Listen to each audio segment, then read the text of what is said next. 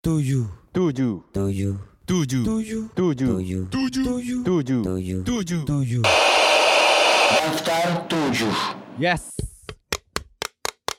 jelek banget suaranya suara kaleng kosong birnya habis nih anjing oke selamat datang di daftar tujuh daftar tujuh ya sebuah siniar kolaborasi antara Imui dan Agori Club saya Pramedina Prawira saya Rio Tantomo di episode kedua kita ini sebagai penutup bulan kasih sayang. Anjing. Anjing. Gua membahas kasih sayang bersama Rio Tantomo lu bayangin aja Valentine cuy. Yoi, nah sebagai, bullet for my Valentine.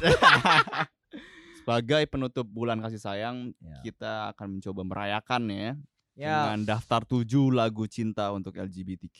ya itu dia. LGBTQ gua sempat selalu kan kita punya tema general nih ya gue Iya. pikir Februari itu bulan cinta ya selain bulan kabisat sih hari Jumat besok eh cinta itu kalau cinta cewek cowok cinta sinetron cinta eh standar lagu-lagu standar gitu bosen lah ya Bosen. bosen lah Gak ada artinya, bro.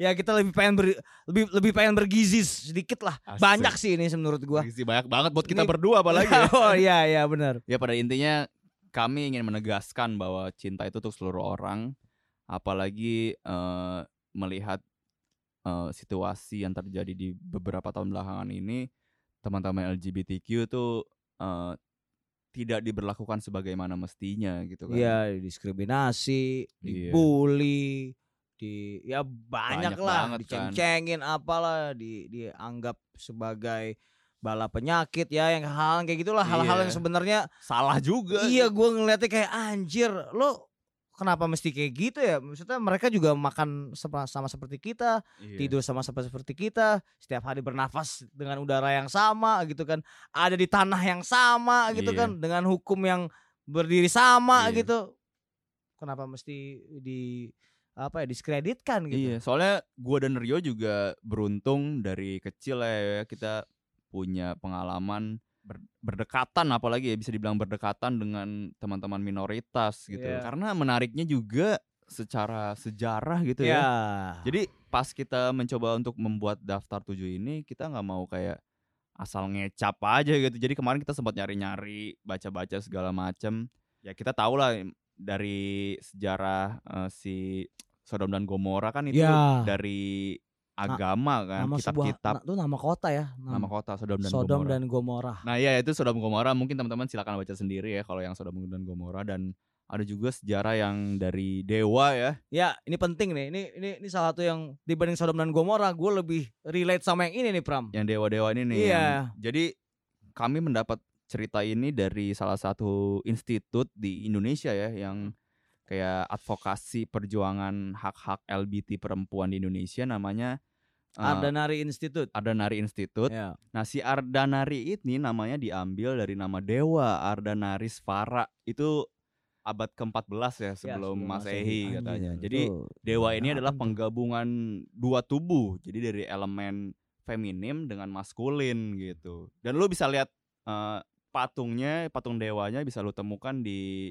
Museum Nasional Museum Nasional ya Hmm. di Jakarta nih. ya benar berarti udahlah secara budaya itu udah Iya. udah udah ada gitu ya Karena ketika kita menggarap eh, untuk daftar tujuh kali ini, kita mencoba mencari tahu kan ya kayak, wah ini awalnya dari mana ya? Ada cerita dari Sodom dan Gomora, ada dari Iya, ada. si dewa ini juga. ternyata nama nama, nama itu ternyata si Siwa itu Iya, Iya. Dewa Siwa. Dewa Siwa dan eh, Dewa Parwati itu yang melambangkan eh, kefemin femininitas kalau Siwa tuh maskulinitas ya Mm-mm, nah sejarah-sejarah kayak gitu menurut kami menarik untuk ada kita ketahui. Apa? Ya. Nah di secara sejarah juga eh, ada juga ya secara dunia nih ya sejarah dunia nih ya di Amerika Serikat ternyata menjadi negara pertama yang eh, beradanya kelompok perjuangan hak LGBTQ gitu. ya ya namanya ada Society for Human Rights Iya, itu tahun 24 ya, ya 1924 ya ya. dibentuk sama apa Harry Hay di Chicago Nah, ini eh, menarik juga gitu tahun setelah 24 ya tahun gila ya. 24 gila. baru di tahun 82 lah kawan-kawan LGBTQ ini apa ya punya wadah kali ya di ya? Indonesia ya. ya. Jadi di tahun 82 itu di Amerika Serikat uh, terbentuk uh, sebuah kelompok perjuangan hak LGBTQ bernama Lambda Legal Defense ya. and Education Fund gitu. Itu asal muasalnya tuh. Jadi di Indonesia akhirnya ada juga ada Lambda juga. Indonesia. Franchise. Franchise lah ya. Cabang-cabang. Cabang kayak cabang lambda, cabang kayak ini ayam gepuk Pak Gembus. Tahu kriuk yes. nah, lambda Indonesia ini tahun 1982 dibentuk oleh Dede Utomo. Dede Utomo. Ah, ini sebenarnya tokoh penting ya. Tokoh penting LGBTQ, LGBTQ Indonesia ya. nih. Mungkin kalau udah gue baca-baca dari kemarin gitu mungkin bisa dibilang dia bapak gay Indonesia nih. Mungkin bisa Iya, orang pertama yang memperjuangkan memperjuangkan gitu. Eh, dengan Lambda Legal Defense and Education Fund versi Indonesia gitu ya. Iya, nah dia uh, menjalankan itu kalau nggak salah 4 tahun. Habis itu di tahun 87 dia membentuk uh, sebuah lembaga yang lainnya bernama Gaya Nusantara. Iya. Nah si lembaga ini teman-teman masih bisa lihat kok websitenya masih bisa dicek. Kayaknya Instagramnya juga masih aktif ya. Gue menebak dia mungkin ingin mencari hati diri uh, seperti apa kawan-kawan LGBTQ di Indonesia saat itu hmm. Eh, berkembang pasti kan hmm. beda sama di Amerika atau di Eropa secara gitu ya. politik, ya. Secara, secara politik, hukum. secara uh, norma masyarakat, lingkungan, keluarga itu kan mungkin ya beda berbeda. Ya. Jadi dia udahlah, gue bikin aja nih uh, karakteristik uh, Indonesia ya. Lokalitas Asik. membakar batas. Anjir. ya, tapi dalam uh, konteks uh, gay gitu. Jadi ya ini Dede Utomo nih dia sekarang masih hidup loh dia ini. Masih, masih. Kemarin dia sempat tuh... kok di ini di, di menjadikan dijadikan bintang tamu di Indonesian Lawyer Club. Oh iya di situ ya. Ngebahas apa tuh pernah ngebahas gay? Ngebahas gay, LGBTQ. Oh, iya pasti ya Pak ya RU, RUKHP pas itu ya. Nah, ada gua nggak paham tuh. Ya oke. Okay. Terus ya Nah, di tahun 80-an juga tuh 87 88 tuh makanya menurut gua dan Rio menjadi tahun yang penting lah ya di ya, bisa dibilang 87 lah untuk LGBTQ Indonesia karena selain Dede Utama membuat Gaya Nusantara ada film pertama yang memasukkan unsur uh, homoseksualitas. Iya, gitu. walaupun bukan seperti biasa lah ya. Uh, saat itu mungkin masyarakat kita masih mendiskreditkan mereka gitu ya. Iya. Uh, judulnya apa, Bram? Istana Kecantikan. Nah, itu dia dibintangi oleh Matias Mucus itu tentang seorang lelaki yang jatuh cinta dengan seorang capster salon. Betul. Yang laki-laki. Iya, dan sayangnya walaupun secara film itu masih mendeskripsikan ya tadi seperti yang Rio bilang. Iya. Tapi mungkin ini bisa dibilang sebagai titik sejarah lah gitu. Iya. Tapi ya anehnya Matius Mucus menang FFI uh, Piala Citra loh tahun 87 tuh. Pemeran pria terbaik ya. gitu. Nah, di 80-an juga 87 itu juga rilis buku ya. bertajuk Gay ini. Gay ini bukunya gue pegang sekarang gue tanpa sengaja menemukan buku ini uh, Gay Dunia Ganjil Kaum Homofil hmm. uh, penulisnya Ari RM uh, eh, penerbit Graffiti Pers gila ini covernya kalau lo lihat nih uh, pria berbadan kekar Wah gila nih atlet kayaknya atlet binaraga nih dan lagi ber, bertopang uh, dada dengan tato jangkar kapal dililit oleh bunga mawar. Gila, Gila. itu benar-benar berada di tengah-tengah tuh Pram ya. Iya iya iya. Selain itu buku itu juga menjelaskan cukup gamblang ya tentang sejarah, tentang keadaan di Indonesia segala macem gitu. Jadi tahun 80-an itu menurut kami cukup Ya cukup ditambah menarik. juga mungkin bisa dibilang oh, memang ini kan produk-produk pop sebenarnya ya. Hmm. Film terus Buku. ada karakter Emon di catatan si boy maksudnya eh, hal-hal uh, yang lelaki feminis tuh mulai keluar gitu ya. Yeah. Terus ada buku, terus juga ada musik ya. Maksudnya kalau tren musik saat itu ya 80s apa? New, New wave. wave. Di mana New wave dan glam rock di mana uh, laki-laki sebenarnya mem, mem, mem, memblender uh, gender mereka gitu yeah. dengan berdandan seperti perempuan. Perempuan juga sebaliknya. Iya, perempuan juga sebaliknya. Yang perempuan memendekkan rambut, yang laki-laki merias wajah, hmm. uh, lalu memakai sepatu hak yang itu sebenarnya identitas perempuan gitu yang yang kita tahu gitu. Jadi hmm. mereka mencoba bereksperimen. Iya, gitu mungkin ya. di era itu era eksperimen ya. eksperimen seperti dari musisi. ya mungkin kalau di dunia populer udah udah lama ya. Maksudnya dari zaman Andy Warhol, dari zaman David Bowie yang androgini. Yeah. Ada cerita dulu uh, bahkan Mick Jagger yang seorang hetero aja. Ini atas nama eksperimen ya. Dia mencoba tidur dengan David Bowie dan satu uh, perempuan berkulit hitam gitu. Hmm. Ada fotonya tuh gitu. Mereka telanjang gitu. Jadi kayak ya itu membuktikan bahwa anjir di, di tahun itu eksperimen seksual ya sedang lagi hot-hot ya karena ya 60 rock and roll masuk hmm. drugs masuk, hippie, pemberontakan, Kennedy mati ya akhirnya ya itu dia di situlah semuanya tumpah lah ya.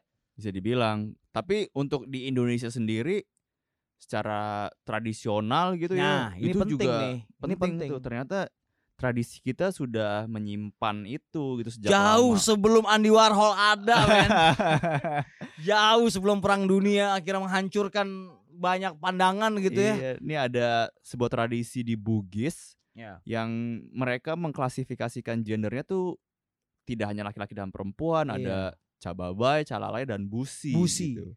Ini menarik banget kayak misalkan gue uh, jelaskan salah satunya yang calalai ya, yang calalai itu kan uh, perempuan, eh sorry laki-laki berfungsi di masyarakat sebagai perempuan ya. Ya, mungkin mereka memburu babi, mereka menangkap ikan ya hmm. atau mereka mm, membangun rumah gitu hal-hal yang sangat uh, maskulin ya. Iya.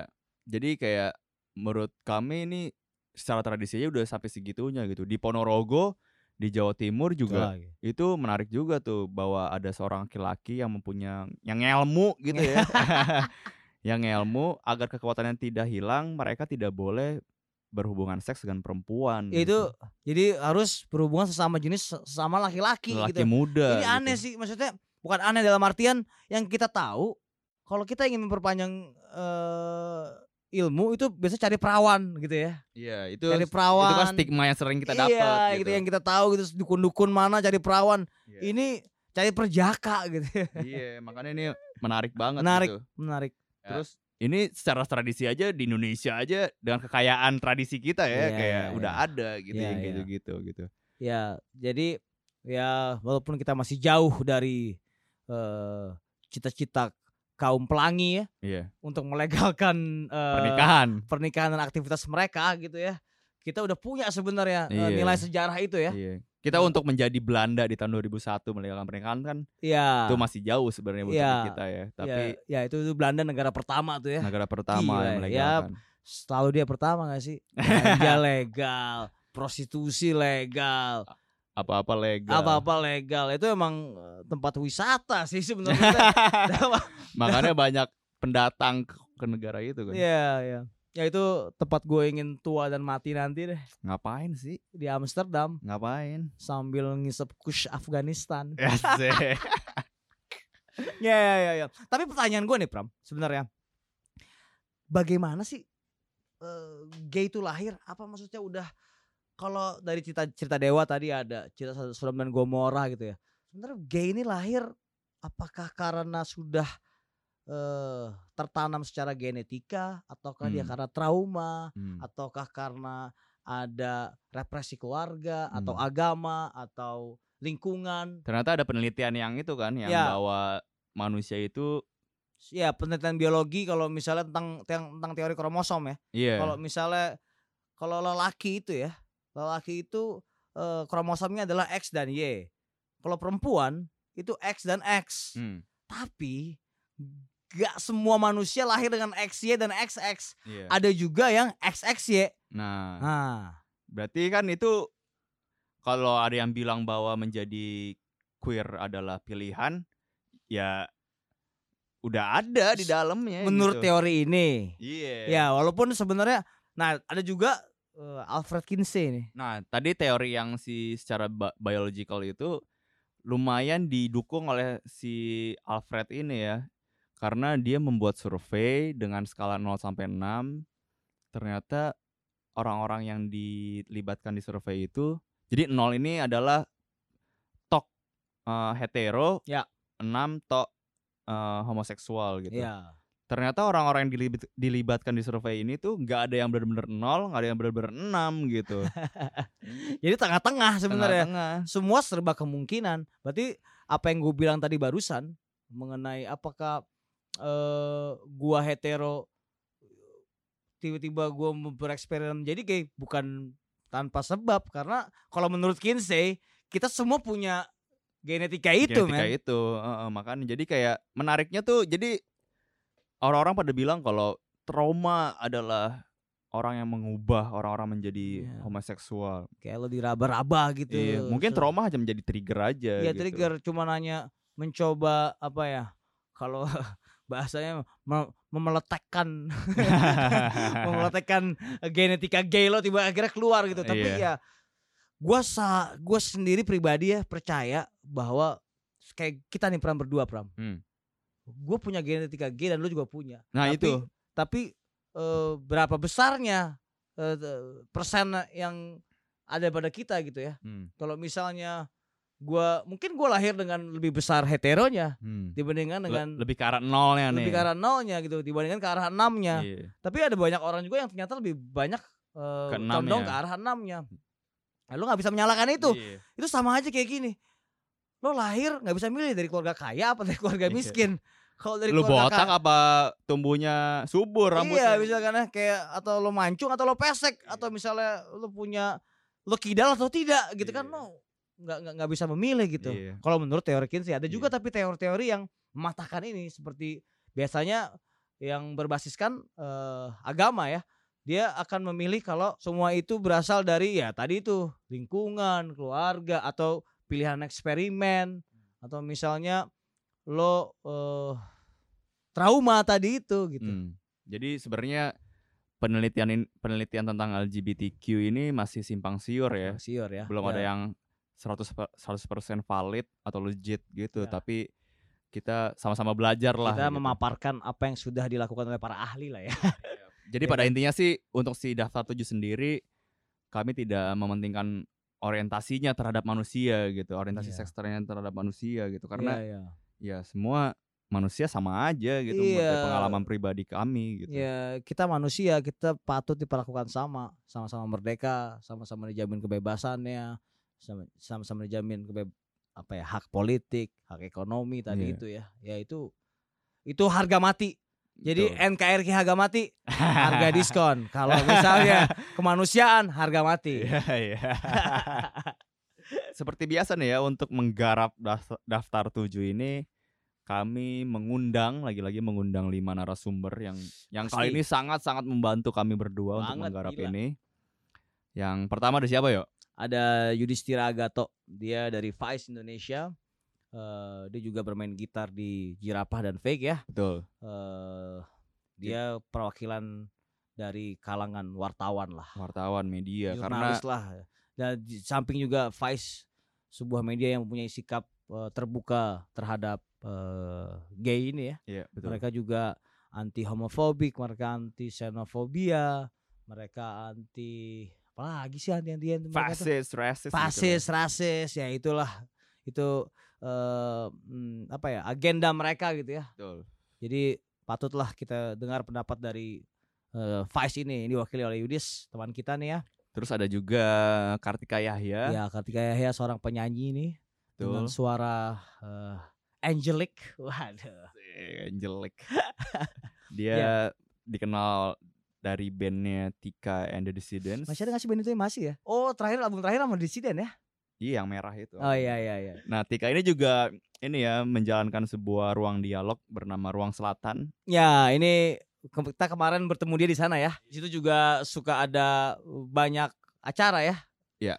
Ada tato, ada pemutaran film segala macam gitu. Ya. Salah satunya si Cinema Belok itu ya. Ya Cinema Belok ya. Itu sebuah kolektif atau klub film klub film yang menayangkan atau memutarkan uh, film-film bertemakan LGBTQ. Betul, betul. Nah, selain ada Yudis dan Tika, ada juga uh, teman kami dari Yogyakarta yaitu uh, Tamara dari Amuba. Mungkin yeah. teman-teman sempat mendengar namanya Amuba Iya, yeah, gue nonton nih Pontifest kemarin. Nonton lo ya? Itu kuartet vokal grup. Yoi, queer. Queer, mereka pertama di Indonesia ya. Uh, inilah uh, para queer yang pengamen jalanan lah gitu ya. Awalnya dia pengamen. Pengamen kan, ya? jalanan yang yang akhirnya membentuk satu band yang lebih juga, serius. Iya, gue juga nggak tahu kenapa mereka bisa ada di acara pang seperti Pontifest ya. Hmm. Gitu jadi tapi yang itu ternyata politik kali. Iya, ternyata pang itu ya bukan tentang musik lagi. Iya. Itu tentang sebuah sikap melawan. Iya. Ya menurut gue apa yang di uh, emban atau menjadi misi dari uh, Amuba adalah itu dia menyetarakan. Betul. Melawan norma yang memberantas mereka gitu ya. ada juga uh, yang ikut terlibat di daftar tujuh kali ini adalah Teguh yang mewakilkan suara kita. Suara ya. kita ini bisa dibilang media alternatif. Ya? Media alternatif, kelompok yang memperjuangkan hak-hak LGBTQ juga. Ya. Dan masih sangat update ya kemarin update ininya. Ya. Websitenya silakan dicek. Lo bisa menghubungi dia juga lewat email. Betul. Seperti seperti kita nih Bram ya. Seperti kita nih. kita hubungin lewat email akhirnya bisa bisa uh, bertemu dengan Teguh ini. Nah, uh, ada juga yang terakhir adalah Paul Augusta, dia Augusta, adalah filmmaker, filmmaker ya. ya. Filmmaker queer ya. di Jakarta. Ya, dia juga bagian dari Cinema Belok. Betul. Nah, mungkin teman-teman agak bingung nih kayak gue dari tadi gue Mario kayak ngomonginnya permasalahan terus nih. Jadi untuk yang edisi kali ini daftar 7 kami merumuskan tujuh permasalahan sosial LGBTQ di Indonesia gitu.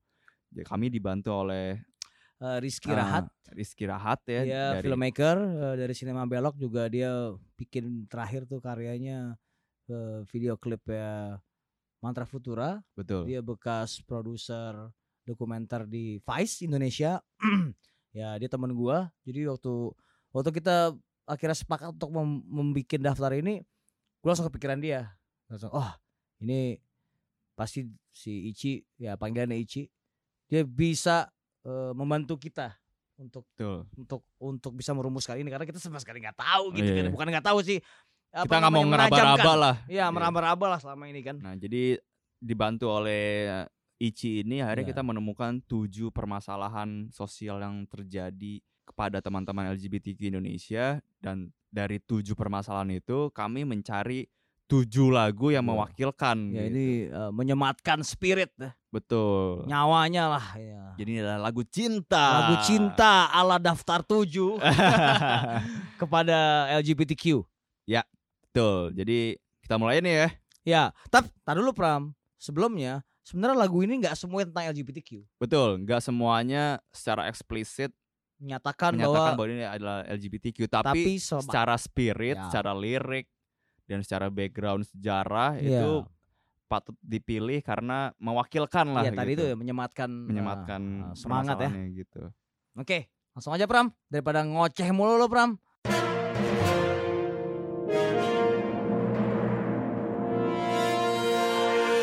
Nomor 7. Oke, di nomor 7 ini ya poin pertama permasalahan yang dihadapi oleh teman-teman LGBTQ di Indonesia adalah diskriminasi hukum. Iya. Sebenarnya nggak cuma LGBTQ aja, ya. seluruh Indonesia nih. Lo juga, gue yeah. juga, lu yang dengerin juga. uh, lebih produser acara ini juga.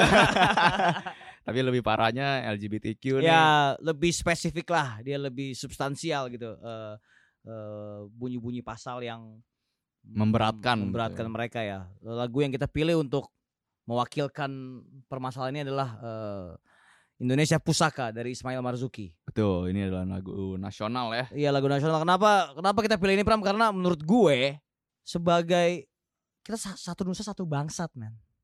Satu nusa satu bangsat. Satu bangsat. kita bangsat semuanya. Gak peduli orientasi seksualnya. Iya. Manusia itu bangsat. ya, di luar itu ya kita punya ya ya minus plus lah yin dan yang harus lah bangsa dan kebaikan harus bareng lah jadi kita lahir lihat deh uh, bunyi liriknya Pram menarik nih di sana tempat lahir beta, dibuai dibesarkan bunda, tempat berlindung di hari tua, sampai akhir menutup mata. Anjir, lo jika tadi kita udah membahas, kalau lo lahir secara hetero, mungkin lo lebih mudah untuk menghadapi hidup. Betul. Tapi kalau lo ditakdirkan secara homoseksual. Uh, homoseksual atau lo memilih untuk menjadi seorang homoseksual, hidup lo lebih susah. Betul. Di negara ini. Tapi mana inti dari lagu ini? Istam, apa Ismail Marzuki bikin lagu ini tahun 42 gitu dia Indonesia adalah tempat semua warganya untuk kembali uh, ke Hayati gitu ya. Yeah. Uh, di tanah Lahir ini di gitu, sini, tapi dilindungi di dilindungi. sini. Ya, ini sama aja bisa bisa bisa, kita kaitkan dengan kalau gua ya ke Pancasila, Pram. Hmm. Ya misalnya sila kedua berbunyi satu ketuhanan yang maha esa dua kemanusiaan adil dan beradab. Ya ini aja udah ini kemanusiaan Iya. gitu. Kalau misalnya gitu Pancasila berbicara sila kedua kemanusiaan ya LGBTQ juga manusia, men. Iya. Iya kan? Mereka bukan alien, mereka bukan semut di, di bawah lemari. Iya. mereka bukan eh bukan ludah di mana, bukan. Mereka manusia. Manusia. Gitu. Jadi kemanusiaan adil dan beradab. Tiga persatuan Indonesia. Semua LGBTQ ini punya KTP, Iya. punya paspor, bayar pajak anjing. Gila. Mereka melakukan kewajibannya sama seperti hetero Indonesia, Iya. ya kan? Kenapa harus diperbedakan gitu kan? Iya. Pajak dari mereka dipakai sama orang yang melarang mereka untuk membangun jalan, dikorupsi juga. Iya. Anjing kan? Iya. Satu nusa satu bangsat, ya enggak? Sebenarnya yang paling mencuat itu kemarin masalah hukum itu yang RKUHP ya. RK RKUHP tahun Ya, lalu ya. rancangan kitab undang-undang hukum pidana yang udah mau dirubah dari tahun 60-an 70-an tapi nggak berhasil berhasil. Tapi anehnya kok makin ke sini bukannya makin adil gitu ya. Malah makin disetir gitu Iya. menurut gua. Jadi eh, gua gua gua udah mencatat nih. Ada eh, tiga pasal yang dalam konteks LGBT memberatkan eh, kawan-kawan kita itu gitu. Hmm. Yang pertama itu pasal 24 tentang perzinahan. 284 284 tadi gua berapa? 24 deh. 24. Oke, pasal 284 tentang perzinahan. Yang tadinya terbatas dalam ikatan pernikahan ternyata diperluas menjadi keluar pernikahan. Terus yang kedua, pasal 285 tentang perkosaan. Yang tadinya dibatasi antara laki-laki terhadap perempuan diperluas menjadi laki-laki ke laki-laki atau ke perempuan ke laki-laki. Kalau misalnya dua orang gay tidak menikah Hmm. dianggap berzina dan dianggap melakukan hubungan eh, terlarang gitu. Hmm. Yang ketiga, pasal 292 tentang pencambulan anak. Yang asalnya sesama jenis laki-laki dewasa terhadap yang belum dewasa di- dihilangkan batas umurannya. Jadi siapa pun bisa mencabuli siapa pun, Iya. tidak melihat umurnya gitu ya. Iya kan? Maksudnya itu menunjukkan bahwa negara nih terlalu ikut campur tangan ke balik kamar tau gak lo? Iya, terlalu pribadi lah Apalagi gitu kemarin ngurusinnya. BDSM baru dilarang tuh Pram. Gua rasa kebanyakan nonton bokep kali itu orang-orang itu ya. Anjing. ya enggak maksudnya jangan sampai undang-undang ini tunduk sama eh sebuah kekuatan konservatif. Sebuah kelompok gitu ya. Iya, maksudnya eh, mentang-mentang eh, ini sebuah kekuatan mayoritas dan konservatif dan punya kekuatan, dia merepresi yang yang yang yang Minoritas. minoritas gitu. Itu kan hukum akhirnya tidak tidak berdiri sama rata, Tuh, tajam ke bawah, tumpul ke ke atas. Hmm. Ya itu kan maksudnya. Karena Terus- di di belakangan ini sebelum R, RKUHP-nya disahkan, belum disahkan ya sampai hari ini. ya. belum. Itu tuh pemerintahan atau pihak keamanan atau hukum itu masih menggunakan eh, undang-undang pornografi dan Ya. ITE ya, Iya, yang yang menurut kami itu celahnya besar banget itu untuk mendiskriminasi banyak orang gitu. Iya, wah gila, itu salah satu korbannya Ahmad Dhani ya. Ahmad yang- Dhani. Ariel, Ariel. Ariel, Ariel di pornografi, Ahmad Bayangin. Dhani di ITE gitu. Bayangin tuh Ariel itu punya dia pribadi loh kayak Dan bukan dia yang menyebarkan. iya Maksudnya segitu karetnya gitu pasalnya dan karet banget. anjing lo bisa kena pidana paling paling lama penjara 10 tahun atau denda 5 miliar. Lo mau kerja apa ya 5 miliar buat bayar denda, boy? Wartawan doang loh. Ngentot. ya, ya itu maksudnya sebelum sebelum RKUHP ini disahkan dan mudah-mudahan sih nggak disahkan ya. Karena perlawanannya begitu kuat dari eh, kantong-kantong masyarakat kemarin ya. Heeh, Ya dari dari banyak apa namanya pihak eh, lah. pihak gitu. Eh, kita dipakai eh, hukum pornografi untuk untuk untuk untuk menghukum kawan-kawan LGBTQ yang sebenarnya juga Urusan jelas. pribadi Iya, gitu. Urusan pribadi. Urusan gitu. pribadi yang diatur oleh undang-undang karet gitu kayak anjing ngapain sih nggak jelas. Itu contohnya ada, contohnya ada inget gak lo? Sempat beredar WhatsApp eh, eh, video ada 141 orang uh, terciduk uh, oh, sedang iya, iya. sedang melakukan entah apalah itu saya Iya. party atau ngejim bareng pagi gitu ya Hmm. ditangkap di sebuah gym langsung digiring gitu Eh, dan dikenakan undang-undang pornografi yang mana sebenarnya itu nggak kelihatan oleh oleh siapa pun juga gitu kan Iya, dan itu nggak merugikan siapa pun juga iya. orang 141 orang itu yang datang atas keinginan masing-masing Betul. Dan katanya itu ya pas digiring juga telanjang gitu. Kayak anjing Iya. apaan sih? tidak di tidak di kayak kambing lu? Iya. anjing ya maksudnya giliran koruptor aja dikasih Iya. rompi loh Iya. anjing. lebih rusuh lagi kejahatannya ya itu itu dia maksud diskriminasi hukum ya Iya. kita masih kita masih merasakan eh, itu terutama ya LGBTQ apalagi Apalagi kita aja yang yang punya privilege sebagai hetero aja kena nggak jelas apalagi teman-teman LGBTQ gitu yang ya tapi undang-undang tetap undang-undang Bram kasar kasarnya dan sialnya ya seperti itu Iya, iya. maksudnya bagaimana caranya mungkin harus ada wakil dari LGBTQ ya yang masuk ke parlemen atau mungkin mungkin iya mungkin. atau ke atau ke legislatif gitu jadi Hmm. mereka bisa memperjuangkan di dalam karena menurut gua lu bayangin aja deh nih gua kemarin pas milih lagu Indonesia Pusaka kayak gua membayangkan lu bayangin deh lagu ini begitu harunya Pram Hmm. ya ketika ada rally LGBTQ di depan istana di ya depan istana lo menyanyi tempat berlindung di hari tua sampai akhir menutup mata itu kagak trans, kagak queer, kagak polisi, kagak semuanya jadi bukan mewek sih. nangis ya iya gak sih? Anjing lagu itu lagu itu lagu itu salah satu lagu kebangsaan kesukaan gua sih. Iya. Ya. Dan itu dari kecil kita menyanyikan lagu itu, harusnya kita menanam lirik di dalam lagu itu. Makanya Ya. kita memilih lagu itu di poin diskriminasi Ya. hukum ini ya. Ya itu Indonesia mana sikap satu nusa satu bangsamu. satu nusa satu bangsa. Nomor 6. Oke di nomor 6 ini kita punya perisakan LGBTQ ya.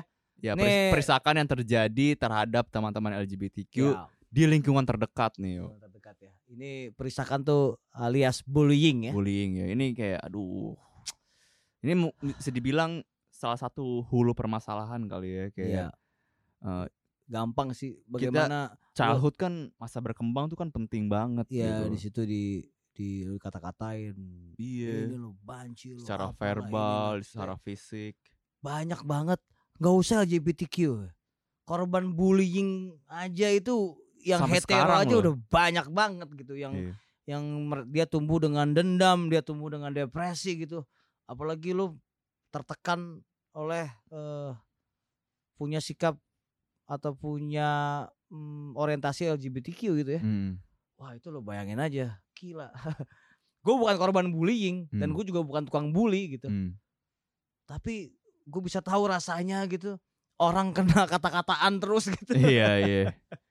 Dan emang secara penelitian juga eh, bullying itu di masa sekolah tuh sangat tinggi ya kayak Ya. eh, salah satu penelitian yang kita temukan nih dari GLSN survey bahwa 86,2% siswa LGBTQ eh, dilaporkan mendapat bullying secara verbal Uh.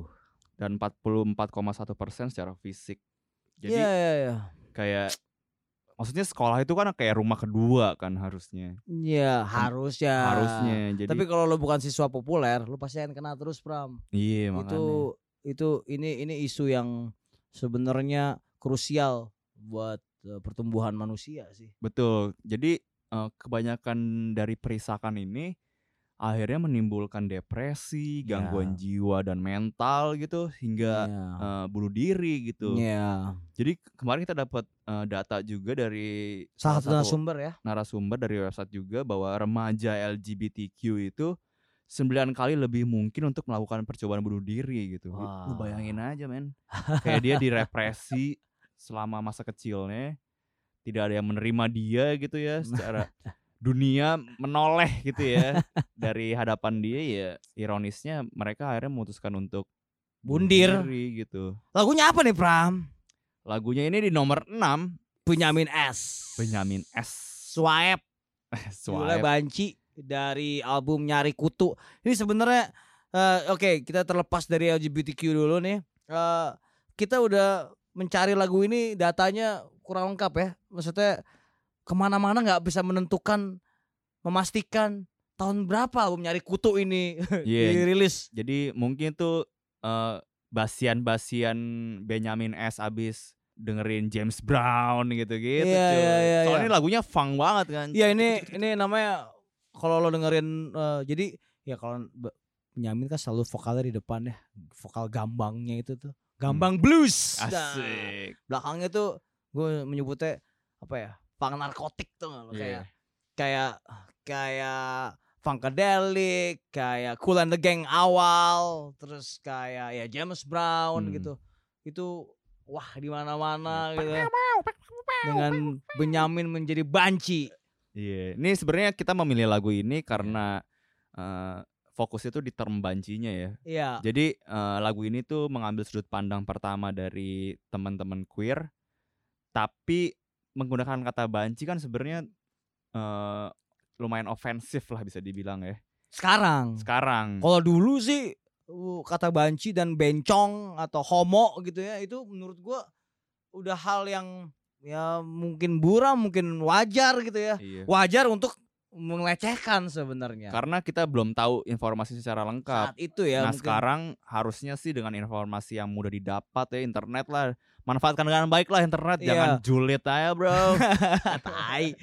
Ya bukan berarti juga Benyamin S itu uh, mendiskreditkan uh, kaum LGBTQ. Betul, dia hanya menggambarkan situasi lah di lagu itu. Iya, dia hanya menggambarkan situasi bahwa uh, banyak om-om yang tertarik menghabiskan waktu untuk kencan dengan para queer hmm. di pinggir jalan. Juga kalau dengar lagunya ada dia manggil-manggil gitu kan. Yeah. Om, om, sini, om, sini, om. Anjir.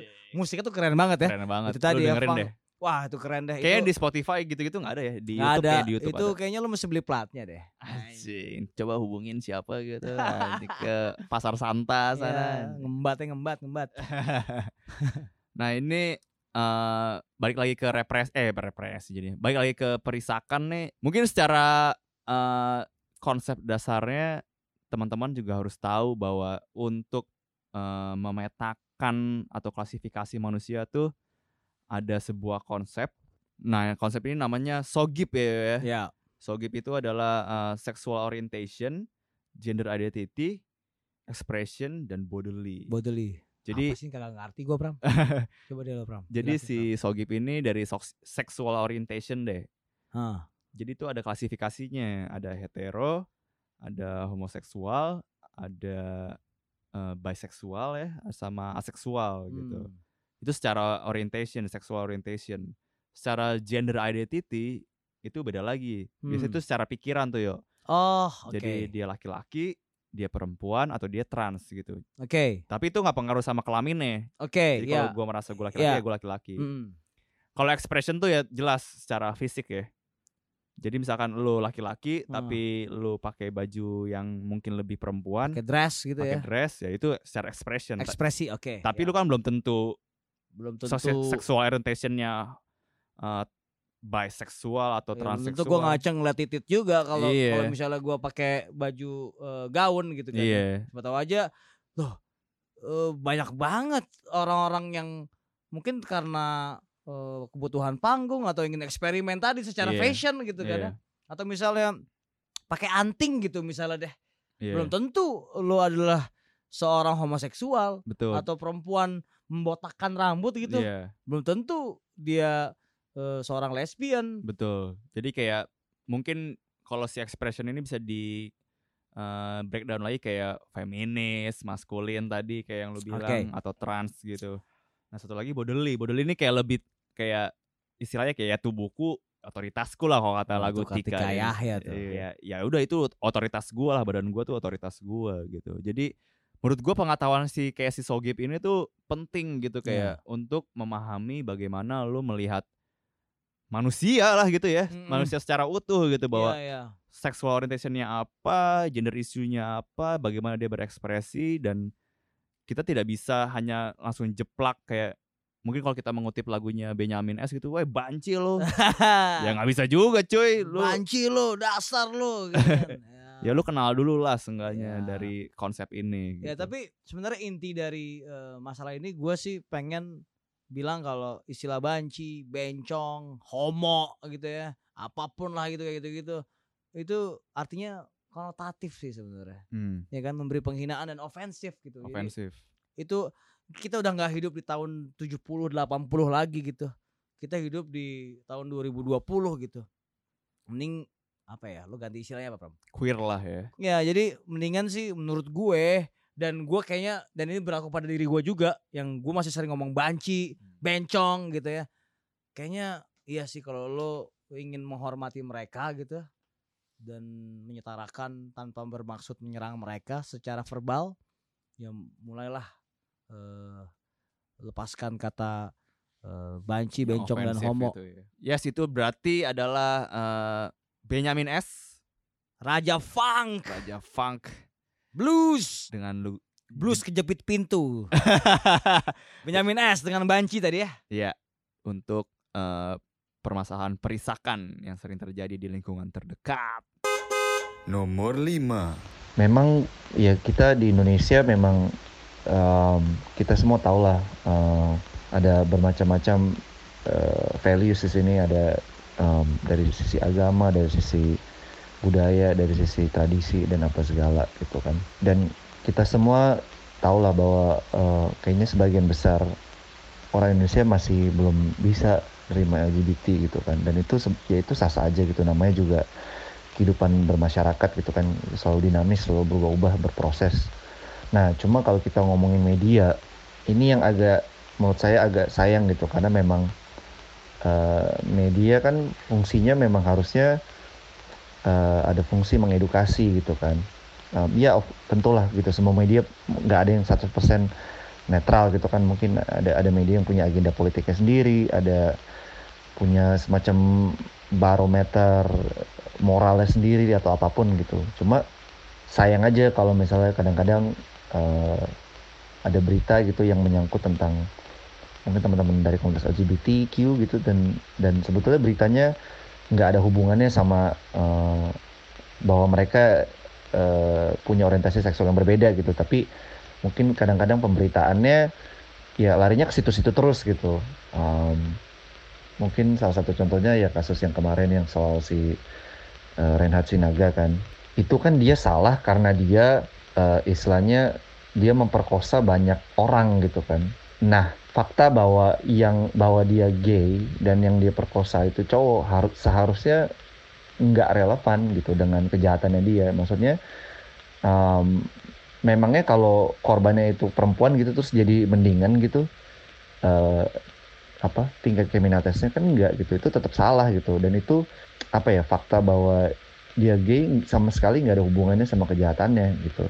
Ada hubungannya sama uh, target korbannya ya tapi sama tingkat kejahatannya kan enggak gitu seharusnya kalau media dan ya ada fungsi edukasinya itulah harus lebih um, apa ya berusaha lebih lebih sensitif lah soal uh, pemberitaan macam ini gitu kan Oke itu tadi suara dari Yudhistira yang mewakili Vice Indonesia ya. tentang uh, representasi LGBTQ di, di media, media massa media Indonesia ya. ya. Ini sangat duh kayak ya lagu yang kita pilih uh, seringai disinformasi. Betul ini Jadi ini penggiringan dari, opini publik sih sebenarnya. Album dari seperti api ya yang rilis Iya tahun kemarin. 2018 ya.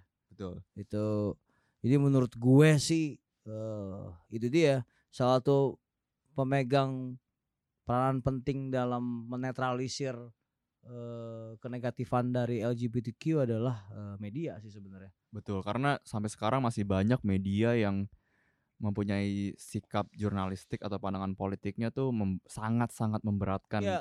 teman-teman LGBTQ gitu. Ya, gue gue gue gue punya uh, contoh hmm, headline. Ini gue nggak usah sebutin uh, media mana, tapi ada headline seperti ini. Disebutkan dalam setahun jumlah gay di kota Depok meningkat 800 orang. Hmm. Di artikelnya itu dituliskan juga bahwa data itu diambil dari Komisi Penanggulangan AIDS sebagai patokan kuantitas gay. Nih, gue bacain artikelnya. Komunitas ini tumbuh subur lantaran kota Depok, Jawa Barat menjadi wilayah strategis untuk mereka berkumpul. Di tahun 2014 tercatat 4.932 gay. Kini meningkat menjadi 5.791 gay. Ya, lu udah nyebutin angka itu dari lembaga juga, iya, lembaga AIDS. itu bisa menimbulkan uh, tiga tiga stigma ya. Pertama stigma terhadap pengidap HIV dan AIDS bahwa uh, eh, LGBTQ adalah uh, penyebarnya, lalu stigma terhadap gay itu sendiri, dan stigma terhadap kota Depok yang mungkin bisa aja ditasbihkan sebagai kota gay kan nggak adil juga. Yeah. Lo tahu di Depok agak boleh ada bir, begitu yeah. Islaminya. Hmm. Tapi gara-gara uh, headline seperti ini, mereka langsung tercap sebagai kota gay. Bisa yeah. jadi gitu. Gila ada 5.791 gay. Ya harusnya itu nggak usah disebutkan gitu. Maksudnya itu menyudutkan sosio apa itu menyudutkan psikologis gay juga gitu. Iya sebagai yang ya kena represi lah dari iya. dari headline headline kayak gitu gitu. Jadi sebenarnya kurang kurang tepat cara teman-teman jurnalis ini dalam merangkakan beritanya gitu. Iya, coba lebih apa ya? Mungkin harusnya lebih berempati. Betul. Biasanya, Tadi seperti yang Yudis bilang kan bahwa eh, memang setiap media punya pandangan ya, politiknya masing-masing, agenda, agenda politik. Ya kalau misalnya lo sebuah agenda clickbait, ya lo pasti akan bisa nulis kayak gitu. Iya, masalahnya itu tuh kayak lo menghamba pada clickbait. Emang podcast ini nggak menghamba pada clickbait, Pram? Gue tanya, Pram. Hah? Berapa banyak like yang kita pikirkan enggak setiap lah. episode enggak ya? Enggak lah, kita enggak clickbait kita. Yang penting kita secara sosial aja. Kontol. ya ya ya di luar di luar itu tadi yang jelas ketika lo berperan sebagai media cobalah lebih memiliki sensitivitas dan ini nggak hanya terhadap LGBTQ ya kalau lo bikin judul ya kita harusnya berkaca pada media Inggris ya Nah, iya ini salah satu kasus yang cukup menarik. Iya, dan tadi Yudi sudah juga sebut juga tuh. Iya, yang masalah Rehat Sinaga ya. ini kemarin kita sempat mengumpulkan atau membandingkan uh, pewarta di Inggris sana dengan yeah. kita di sini di iya, Indonesia. Iya, gua, gitu. gua nih, gua nih kok nih koleksi headline gua nih. Jadi predator, jadi predator gay. Begini kelakuan Reinhard Sinaga saat SMP dan SMA. Anjing itu khas. Uh khas ini banget sih. Khas media clickbait banget gitu. Ini ada lagi. Reinhard Sinaga akui dirinya seorang gay. Maksudnya hmm. apa ininya? Ya kenapa? Harusnya ah, kenapa ya maksudnya? Eng angle-nya ya. adalah Reinhard Sinaga melakukan pemerkosaan ya, ya, gitu. misalnya gini nih kayak kayak yang dilakukan oleh uh, banyak media di Inggris gitu ya. Mereka uh, UK's UK's most prolific rapist Red Shinaga Shocks maksudnya lebih kayak apa yang dilakukan iya, bukan dia siapa menggunakan dia. kata most prolific rapist gitu terus ya tidak ada lagi tuh gay atau lo uh, seorang predator gitu kan ya hmm. maksud gua frame-nya tuh jauh berbeda ya. Sebangsat-bangsatnya Reinhard Sinaga, dia juga seorang manusia gitu. Iya, maksud gua maksud kita gini. Bangsat sih orang itu emang lu 195 orang, Pram. Iya. Gila. Maksudnya yang harus dia petik dari uh, kasus Reinhard Sinaga ini bukan karena dia gay, tapi karena kelakuan dia yang emang bangsat aja gitu. Iya, iya Sedangkan iya. di Indonesia fokusnya atau frame-nya secara media tuh lebih ke karena dia gay nih dia begini nih gitu. Ya sesuai lah dengan lagu seringai gitu kayak disinformasi ya. Disinformasi kayak liriknya Sokse komporeta Fakta tanya Gak jelas juga nih Lo mesti baca. Ini ya nih Apa uh, lirik ya Liriknya. Headline dan isi berbeda. Sebelum menyebar Perlu cari fakta. Analisis Analisa Tak langsung percaya. Ya itu juga uh, Meminta kita sebagai pembaca Dan konsumen berita uh, Harus lebih bisa memilih. Betul. Misalnya gitu cerita ya di lagu Striga ini ini lagu yang heavy lah ya. Iya. Yeah. High octane. High octane lah gitu. Anjir. Dan Aryan benar-benar uh, menunjukkan dia sebagai penulis lirik sosial politik yang mantan wartawan nih anak yeah. nih. Ya. Tajam lah. Tajam ya. Kendalikan masa, informasi palsu. Nah itu udah ya kan. Lo lo bisa menyesatkan anjing. Opini publik yang menipu kebenaran pun nomor dua menelan mentah cerita fiktif ya, ya itulah yang terlihat sekarang di mana-mana ini Iya. gitu. Lo Khususnya di teman-teman LGBTQ ini ya. ya jadi kalau pihak mana yang paling bersalah atas kerusuhan-kerusuhan di negara ini terjadi apa pun itu kasusnya media massa men. Sebagai bagian dari demokrasi ya. media massa yang dibeli oleh politikus. Aceh. Disinformasi menyebar cepat. ya, itu dia. Iya. Seringai ya Seringai dengan disinformasi untuk eh, representasi LGBTQ di, Di media massa, Media ya. massa.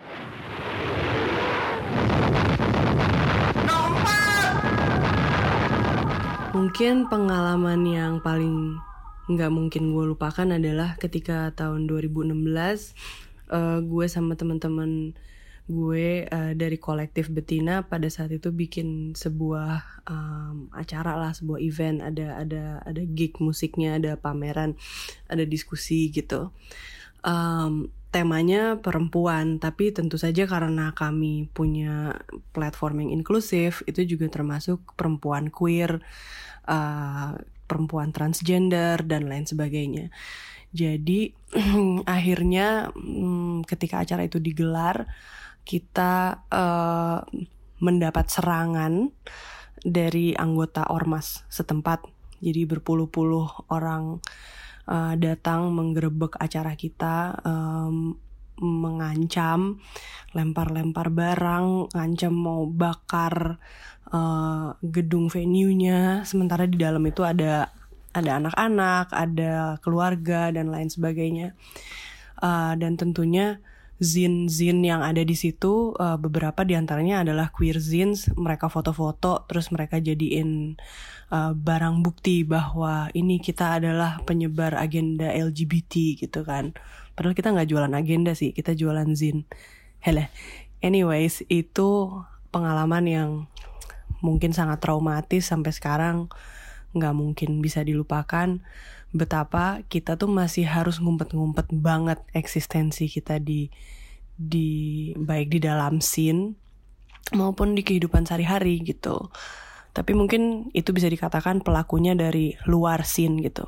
Dari dalam scene-nya sendiri um, belum lama ini mungkin sekitar tahun lalu ada teman uh, yang musician juga yang curhat kalau manajernya itu minta supaya dia tidak uh, come out sebagai lesbian woman karena takutnya itu membuat sponsor-sponsor yang tertarik jadi mundur gitu. Jadi um, itu satu lagi gitu bagaimana uh, queer people itu dibuat invisible um, dan ditekan keberadaannya oleh orang yang seharusnya bisa ngedukung dia, manajernya dia sendiri gitu. Dan untuk pertanyaan yang terakhir tentang visi kenapa kami membuat uh, ruang selatan pada akhirnya, dan ini juga uh, sebenarnya respon terhadap uh, meningkatnya konservatisme dan intoleransi di Indonesia terhadap kelompok-kelompok minoritas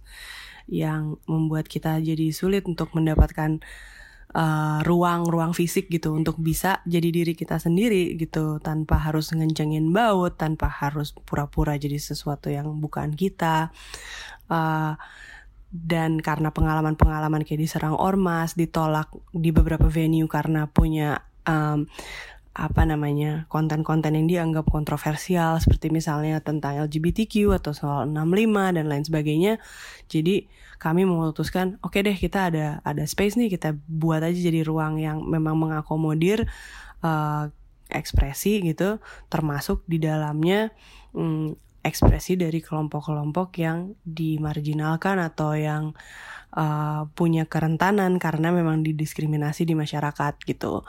Um, kupikir memang harus ada satu dua ruang paling tidak yang uh, mengakomodir ini gitu dan mudah-mudahan dengan dengan begini kita juga bisa ngelihat bahwa kegiatan-kegiatan teman-teman mau itu straight mau itu queer kalau itu sesuatu yang positif dan itu sesuatu yang emang uh, patut didukung ya kita nggak usah ngeliat orientasi seksualnya lah. Harusnya semua uh, tempat itu bisa bisa menerima perbedaan. Dan kalau misalnya nggak ngerti paling nggak berpikiran terbuka dulu lah untuk belajar gitu. Oke tadi adalah komentar dari Kartika Yahya, Mbak Tika, Mbak Tika dari Tika and Dissidents tentang hmm. kesetaraan LGBTQ di komunitas atau scene hingga institusi negara ya. Ya, lagu yang kita pilih Hantam Prasangka Buruk. Harus gitu perannya Pram. Hardcore old school. Old ya. school. Ya. Harus cempreng. Itu dari Straight Answer ya. Lagu. Judulnya Hantam Prasangka Bah, itu dari buruk. Straight Answer ya judulnya Hantam Prasangka Buruk itu uh, dari album Kami, Kami belum menyerah, menyerah di 2002 lalu dimasukkan juga di EP Never Surrender ya di 2017. Ini liriknya udah sesuai dengan uh, ini ya uh, semangat kita nih Pram. Betul. Semua manusia terlahir setara, kemanusiaan tak kenal bangsa, hidup bersama bersukarela, bebas merdeka bertanggung jawab. Diskriminasi bukan untukmu, hantam prasangka buruk. Kenapa ya bagian itu doang pas lagi? Diskriminasi bukan pilihanku. Hantam prasangka buruk. nah, itu Bram. Acak straight answer. Gila itu ini salah satu band veteran hardcore Jakarta ya dari ya, tahun 96 ya, ya. ya. Jadi ya mengenai mengenai ini kita kita banyak juga mendengar CPNS nggak boleh gay. Kalau jadi ada ada ini Bram eh uh, aturan gitu ya. Hmm. Uh, bahwa uh, untuk mendaftar sebagai pegawai negeri sipil hmm. tidak boleh lo seorang homoseksual. Oke. Okay. Itu maksud gua belum tentu juga orang hetero lebih pinter atau lebih jujur lebih atau lebih berkinerja keras berkualitas daripada seorang gay. Korbannya udah ada. Di mana tuh? Di Semarang, seorang polisi gay dipecat karena orientasi seksualnya tanpa bukti loh Pram. Tahu nggak bukti cuma apa? Cuma ditemukan kondom dan tisu basah di kamarnya. Anjir. Hanya karena itu Pram. Tapi dia memang sehari-harinya mungkin ter, ya kelihatan gitu kan. Hmm. Karena kan polisi kan satu bata, satu, apa, satu company gitu kan. Camp ya. gitu. Iya kan. Itu e, bersama terus jadi kelihatan tapi ya dia teman-temannya melihat kalau dia punya uh, uh, kelakuan mungkin agak feminim atau mungkin gimana. Hmm. Mentang-mentang kayak gitu ditemuin kondom mati subasa langsung dipecat. Dan yeah. itu iya. si polisi yang dipecat itu udah mulai udah melakukan gugatan gitu. Oke. Okay. Ya, sampai sekarang gue juga nggak tahu sih uh, sampai mana itu uh, gugatannya apakah dikabulkan atau tidak. Tapi ya melihat keadaan hukum kayak gini dan uh, norma yang menyudutkan LGBTQ gue rasa tipis lah ke mana ke ke ke ke peluang kemenangan dia di hmm. di pengadilan gitu kan. Tadi yang CPNS itu ya e, ternyata itu masuk ke dalam peraturan loh Pram. Hmm. Peraturan e, Menteri Pendayagunaan Aparatur Negara dan Reformasi Birokrasi RI nomor 23 tahun 2019 tentang kriteria penetapan kebutuhan PNS dalam melaksanakan pelaksanaan seleksi CPNS 2019 itu tidak boleh orang-orang yang memiliki tanda kutip perbedaan Pram. Aneh banget ya. Iya, itu dia. Itu diatur negara tuh berarti. Diatur negara. Maksud gue kayak seharusnya seperti yang tadi Tika jelaskan juga bahwa tempat-tempat seperti itu harusnya kan tidak memandang dalam tanda kutip perbedaan-perbedaan itu, itu gitu. tanggung jawab negara untuk uh, menjamin uh, kebebasan dan kesempatan yang sama kepada warga negaranya gitu. Iya. negara lalai dalam hal ini gitu. Dan itu tadi dia dalam hal ini adalah negara atau pemerintah tunduk pada peraturan-peraturan konservatif. Hmm. Jadi tidak lagi pada cita-cita eh, keadilan bagi seluruh rakyat Indonesia, tidak lagi kemanusiaan yang adil dan beradab gitu kan. hmm. kan.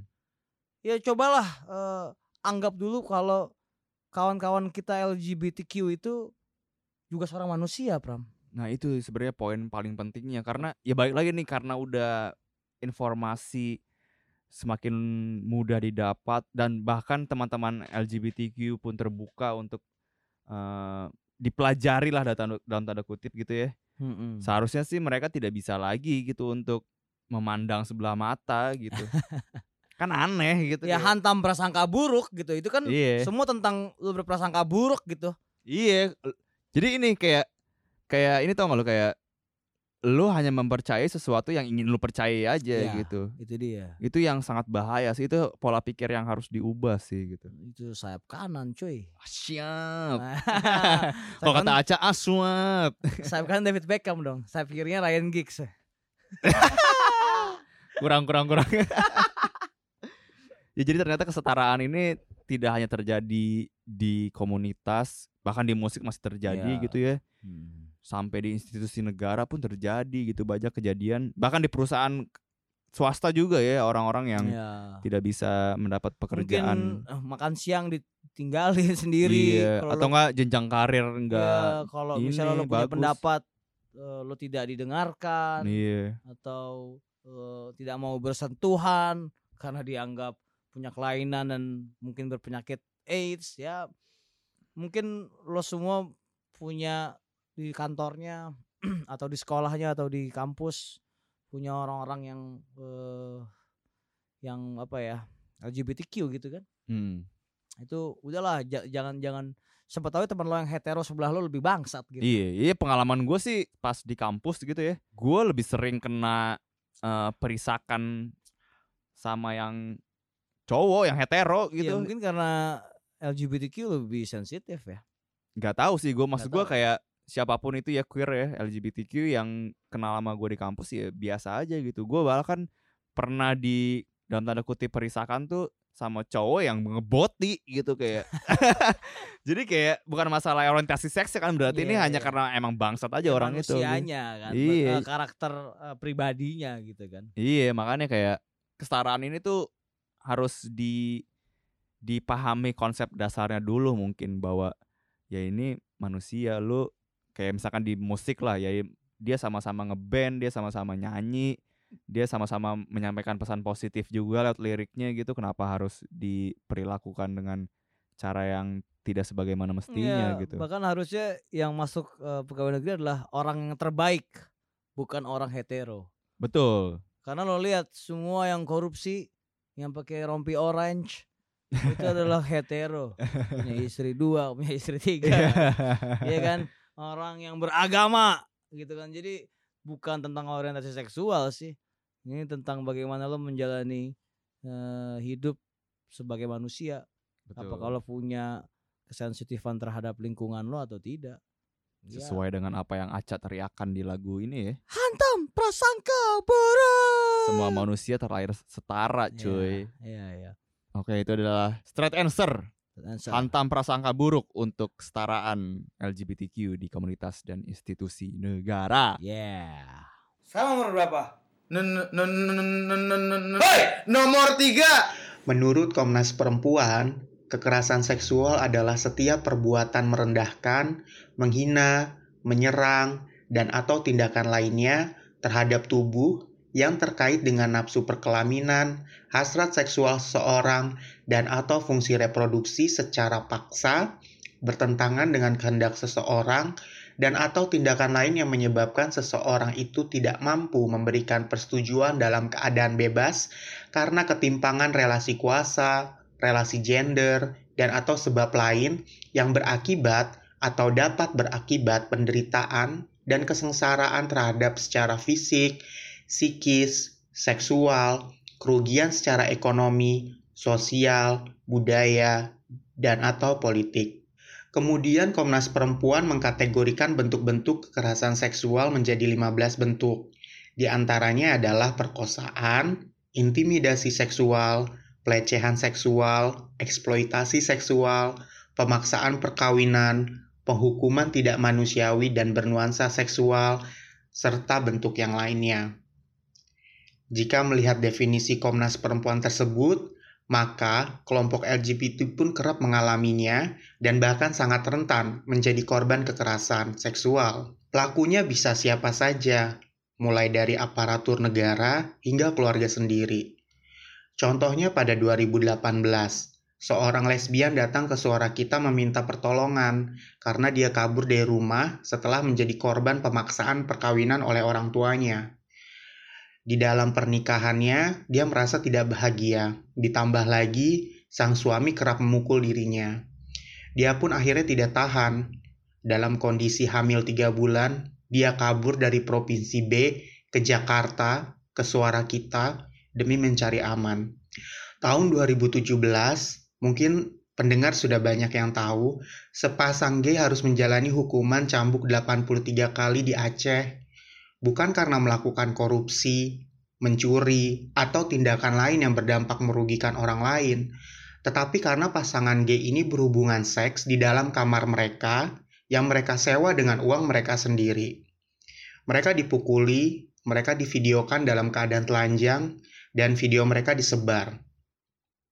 Dua kasus ini merupakan puncak dari gunung es mengenai kekerasan yang terjadi pada kelompok LGBTQI. Jika digali lebih lanjut, pasti jumlah kasusnya akan lebih banyak. Dalam satu kegiatan di suara kita, Guntur Romli, seorang cendikiawan muslim, pernah mengatakan satu pepatah Arab yang artinya manusia itu takut pada apa-apa yang tidak dia pahami. Bagi masyarakat Indonesia modern, LGBTQI memang hal yang relatif baru. Namun bukan berarti menjadi pembenar untuk melakukan aksi kekerasan ataupun diskriminatif terhadap kelompok ini. Seharusnya masyarakat Indonesia mempelajari menggali informasi LGBT langsung dari komunitas ini, komunitas LGBTQI sendiri, bukan malah asik tersesat dalam prasangkanya sendiri. Oke, tadi adalah suara dari Teguh, asik suara dari Teguh dari suara kita. Hmm. Anjir. Our voice. Our voice. Terima kasih Teguh sudah uh, membantu kami untuk memahami lebih dalam tentang daftar 7 lagu cinta untuk LGBTQ ini. Jadi Teguh fokuskan akan situasi pelecehan seksual yang terjadi ya, ya di Indonesia. Jadi tadi kayak yang Teguh bilang banyak kasus yang suara kita dapatkan gitu ya. Laporan-laporan dari teman-teman LGBTQ ada yang sampai dipaksa nikah, sampai mereka apa si orang itu kabur dari ya. rumahnya gitu kayak dilecehkan gitu. Bahkan gue kemarin sempat uh, baca ada yang sampai diperkosa oleh uh, pamannya sendiri cuy uh. kayak dia pamannya merasa bahwa ketika lu udah berhubungan sama gua lu pasti bisa berubah gitu kayak wah itu kan anjing berarti oh. maksudnya berarti maksudnya gay itu bisa disembuhkan gitu iya kan kayak anjing gue bilang bisa sih pakai rukiah enggak sih enggak Terus. jadi kayak nih si paman nih otaknya di mana gitu kayak hmm. pertama itu keluarga lu sendiri gitu hmm. itu aja udah nggak make sense untuk lu melakukan hubungan seks itu udah pendidikan pram sebenarnya makanya kayak kayak si pelecehan ini tuh udah yang sangat-sangat apa ya seperti yang tadi gue bilang sih kayak bahwa ketika gay melakukan uh, pelecehan seksual itu media massa atau rakyat menggorengnya tuh kayak wah anjing jijik lo gini-gini tapi ya. ketika hetero melakukannya apalagi ke perempuan gitu yang lebih sering ya ternyata tuh pelecehan seksual tuh memang masih sering terjadi adalah laki-laki ke perempuan kan yeah. dan itu jadi kayak biasa aja gitu kan itu kayak goblok gitu kayak yeah. satu nusa satu bangsat pelecehan tuh ya pelecehan masalah dia gay atau bukan dia lesbian atau bukan dia hetero atau bukan tuh bukan jadi masalah yeah. gitu lu udah udah merenggut atau memaksa ruang privasi orang gitu kayak udah nggak bener itu. Iya ya. Di di di di nomor tiga ini kita pilih uh, efek rumah kaca ya. Iya, ini mungkin agak agak bingung ya teman-teman kayak kenapa kita memilih lagu efek rumah kaca bukan, bukan lawan, jenis. jenis gitu. Jadi mungkin gua gua kasih gambaran dulu arti di balik lagu ini. Jadi setahu kami uh, bukan lawan jenis ini yang ada di album pertama ya, Efek Rumah Kaca di 2007. Ini tuh tentang pengalaman pribadi Holil hmm. ketika uh, ada temannya yang uh, homoseksual itu menggoda. menggoda atau menyukai Holil gitu. ya, ya, ya. mengirimin surat kali ya? Gue nggak tahu sih sampai ke tahap mana gitu. Tahu gue sih coba kita hayalkan aja deh Pram. Kira-kira apa yang dilakukan oleh si uh, laki-laki Holil? Kita tanya Holil kita tanya Holil aja ya. Holil Holil. Uh, pada intinya ini adalah pengalaman pribadi Holil gitu. Tapi kenapa kita memilih ini? Karena balik lagi kita ke konsep awalnya bahwa daftar tujuh ini tentang manusia gitu. Yeah. Tidak tidak tidak mengikat siapa yang orientasi seksualnya. Iya, gitu. jadi ini hanya manusia Maksudnya gitu. ya mungkin uh, saat itu Holil tanda kutip menjadi orang yang didatangi gitu kan. Hmm.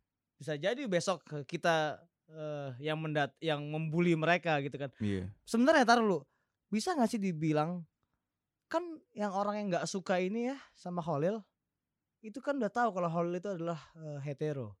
Mungkin ketika itu uh, mereka nggak tahu gitu oh, kayak tahu ya? karena informasinya mungkin ketika itu ketika Holil ya kita nggak tahu iya, sih pengalaman Holil ketika, gitu. ketika di akhirnya misalnya dia tahu gitu ya tapi dia tetap mengejar Holil gitu kan apakah itu sebuah uh, tindakan predator atau bukan mungkin bukan lebih ke tindakan predator hmm. ya mungkin kalau gue sih melihatnya ya sama aja kayak uh, gua nih uh, mau mendekati cewek Yeah. Tapi cewek itu nggak suka sama gue. Iya. Terlepas apa pun yeah, itu betul. orientasi seksnya yeah, ataupun yeah, masalah apa yeah, ya kalau nggak suka kita nggak yeah. bisa maksa dong yeah, sebenarnya. Yeah. Sebenarnya sesimpel itu kan. Sesimpel itu betul betul betul. Nah, makanya itu yang terjadi ketika sesimpel itu aja orang-orang nggak paham, terjadilah pelecehan seksual yeah. gitu yang uh -uh. yang menurut gue udah kelewatan banget gitu.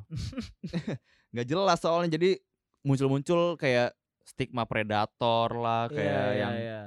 yang pernah nggak lo pram dideketi sama kalau gue pernah pram ah lu gimana tuh maksudnya, maksudnya gue buka gue ada di satu ruangan bersama teman gue waktu itu gue masih SMP lah dan si cowok ini tuh selalu dia lebih tua gitu ya hmm. selalu ngajak nongkrong bareng gitu hmm. nongkrong bareng gitu nanti uh, sambil ngobrol gitu dia udah mulai kayak dekat-dekat gitu hmm. dekat-dekat gitu dekat-dekat gitu terus udah mulai pegang pegang ini pegang itu saat itu aja gue tahu ah ini namanya kita dapat serangan nih gitu kan tapi menurut gue uh, mungkin bertahap dia nahan lama nahan lama nahan yeah. lama sampai akhirnya keluar ya mungkin karena dia juga nggak mendapat ruang bebas di masyarakat makanya kan? ini poin yang paling penting juga nih bahwa banyak orang yang nah. melabeli teman-teman LGBTQ itu predator itu ya. seharusnya punya rasa empati bahwa mereka selama ini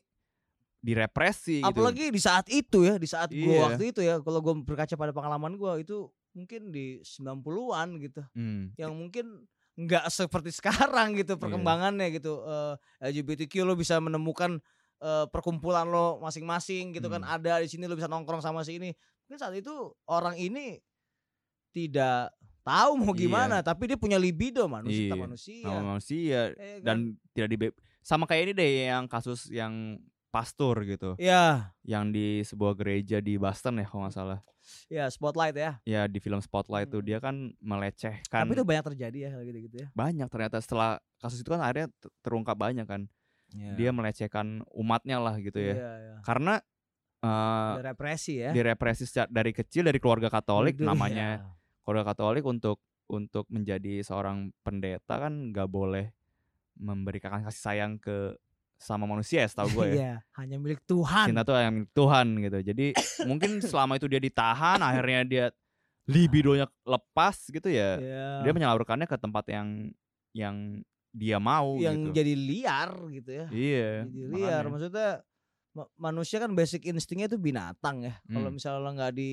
nggak di bekali dengan edukasi gitu menurut gua ya jadinya binatang kayak gitu nggak peduli lo seorang pastor iya. atau lo seorang jenderal atau iya. lo seorang musisi atau lo seorang pengangguran atau lo seorang apa pun ya itu dia baik lagi ke ini sih ke kasusnya Rehat Sinaga gitu ya ya nah, dia itu juga nah itu gue langsung terpatahkan omongan gue tadi dia kerjaannya cuma kuliah doang pernah itu saking kayanya iya. tapi dia karena dia pintar itulah dia punya narkotika itu tuh. GBH. GBH. Hmm. Iya kan? GHB apa GBH? Ya lupa deh gue poin narkotika yang digunakan oleh Rehan Sinaga untuk iya. iniin korbannya ya. Iya, jadi dan jangan melihat Rehan Sinaga sebagai gay doang. Ya ini hal-hal yang hal yang seimbang gitu iya. ternyata gitu. Iya, terima kasih Holil sudah uh, merekam pengalaman ini dan berguna 15 tahun ke setelahnya gitu ya. Kalau 13, 13 13 13 tahun setelahnya. Oh ya, pertama dari 2007. 2007, 2008 lah. Ya kita sekarang jadi punya apa ya contoh kasus atau yeah. misalnya semangat atau misalnya pelajaran yang bisa dipetik dari polemik tentang uh, hetero dan homoseksual ini gitu. Dan gue yakin sih uh, Holil juga bukan homofobik gitu ketika dia menciptakan lagu ini Dari mana lo yakin lo? Gua rasa sih dengan pandangan politik Iya dia. betul. Itu baru gue ngomong Iya, barusan. Dengan Iya. pandangan politik dia dia Kalau ini ternyata Khalil homofobik, ah shame on you man. sih. Jadi eh, lagu bukan lawan jenis ini tuh hanya menggambarkan situasi orang yang disukai lah gitu pada Iya, dasarnya. iya, Masalah orientasi seksnya apa itu udah urusan kedua sebenarnya. Ya jadi ya yang mau gue tekankan kalau di eh, nomor tiga nih eh, pelecehan seksual tidak hanya terjadi pada hetero ke homo atau sebaliknya homo ke hetero. Ini tentang satu satu bangsat tadi itu Iya. bahwa manusia itu eh, naluri dasarnya adalah binatang. Jadi eh, bukan penis atau eh, vaginanya gitu. Hmm, Oke ya itu ya pelecehan seksual yang diperse bukan dipersembahkan apa ya disematkan ya. disematkan nyawanya oleh eh, Khalil Mahmud mm, dengan efek rumah kaca menyanyikan Bukan lawan jenis. bukan lawan jenis. Nomor dua. Halo, nama gue Tamara. Hmm, sebagai orang yang memiliki orientasi seksual homoseksual atau penyuka sesama jenis dan ekspresi gender yang berbeda gitu kan. Gue ngerasa perlu aja eh, ngobrolin persoalan ini ke orang tua waktu itu. Tepatnya sekitar akhir 2012-an gue mulai ngomong gitu.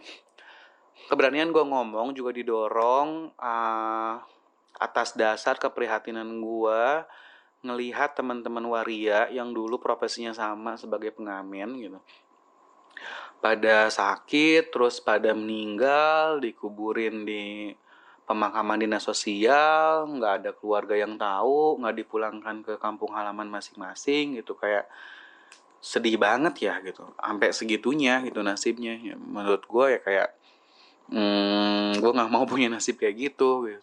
dan yang gue pikirin juga kayak gunanya koar-koar ke orang minta diakuin identitas gender kita apa sih kalau misalnya ama keluarga sendiri aja masih ngumpet-ngumpet gitu. Nah karena mikirin hal-hal kayak gitu gitu, terus ya balik ke Tasik akhir 2012-an gitu.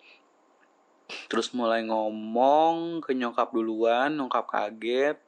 Terus beberapa bulan kemudian tiba-tiba dipanggil bokap suruh balik. Disuruh cerita terus bokap juga kaget kena serangan jantung terus meninggal. Sedih ya kesian. Ya udah nasib tapi kalau sekarang nyokap alhamdulillah udah nerima banget udah support banget terus saudara-saudara juga kayak kakak yang seibu sebapak semuanya udah udah support banget nggak ada masalah apa pun.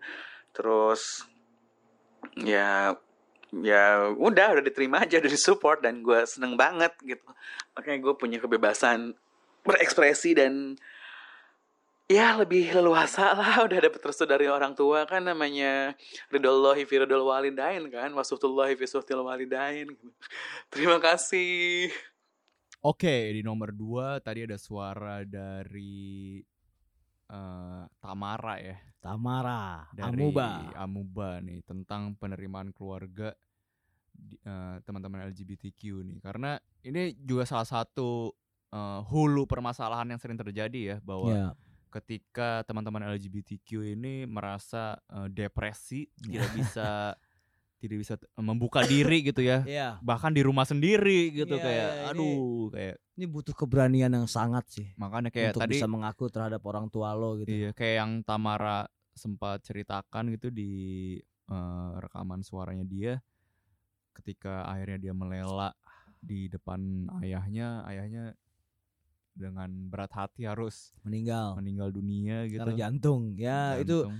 tapi menurut gua ketika lo harus ketika lo harus eh, ngakui diri lo 100% eh, seorang gay gitu ya. Hmm. Seberapa beruntung lo punya orang tua yang menerima lo sih sebenarnya. Iya, masalahnya tadi seperti yang kita bilang ya bahwa eh, keluarga tuh adalah eh, poros utama untuk merangkul teman-teman LGBTQ gitu. Karena menurut kita sih ketika di luar sana eh, dunia melawan LGBTQ, ya keluarga lah yang bisa melindungi Iya. gitu, yang yang bisa harusnya memahami keadaan mereka gitu. Ya kalau misalnya uh, ada pendapat gay tidak bisa disembuhkan tapi diselamatkan, yang paling pertama menyelamatkan lah ya orang tua lo iya. atau uh, uh, kakak adik lo atau iya. om dan tante lo, ya keluarga yang yang bisa mengerti. Dan mungkin sebelum sebelum ini nih ini penting nih. Sebelum lo meminta negara untuk mengerti lo,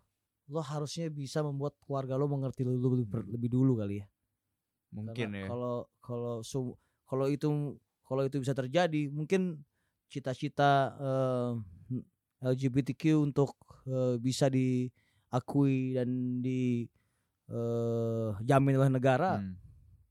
Harus bisa keluar di keluar come out di keluarga dulu ya mungkin lebih tepatnya lagi untuk melela kepada diri sendiri dulu tuh karena ada ah, iya. ada beberapa kasus ya, yang benar tuh dia yang ada teman-teman ya. LGBTQ ya. yang merasa bahwa mereka tidak tidak queer gitu ya, mereka ya, tidak ya. tidak menerima faktanya gitu iya betul dan mereka akhirnya menikah dengan itu penting tuh Pram itu iya bagus tuh itu ada yang menikah dalam tanda kutip secara paksa gitu hanya untuk uh, dipandang sosial ya bahwa yeah. wah ini hetero ternyata nih dia menikah kok tapi di balik itu dia berselingkuh dengan laki-laki uh, laki-laki teman homoseksual ya. perempuan ya. Iya, jadi kayak kasihan ya. juga kan karena mereka tidak diterima di keluarga, mereka tidak berani terbuka gitu. Akhirnya dia melakukan melakukan hal-hal yang ya melecehkan ya, lah, lo, segala macam. Mungkin lah. soalnya sampai ada yang uh.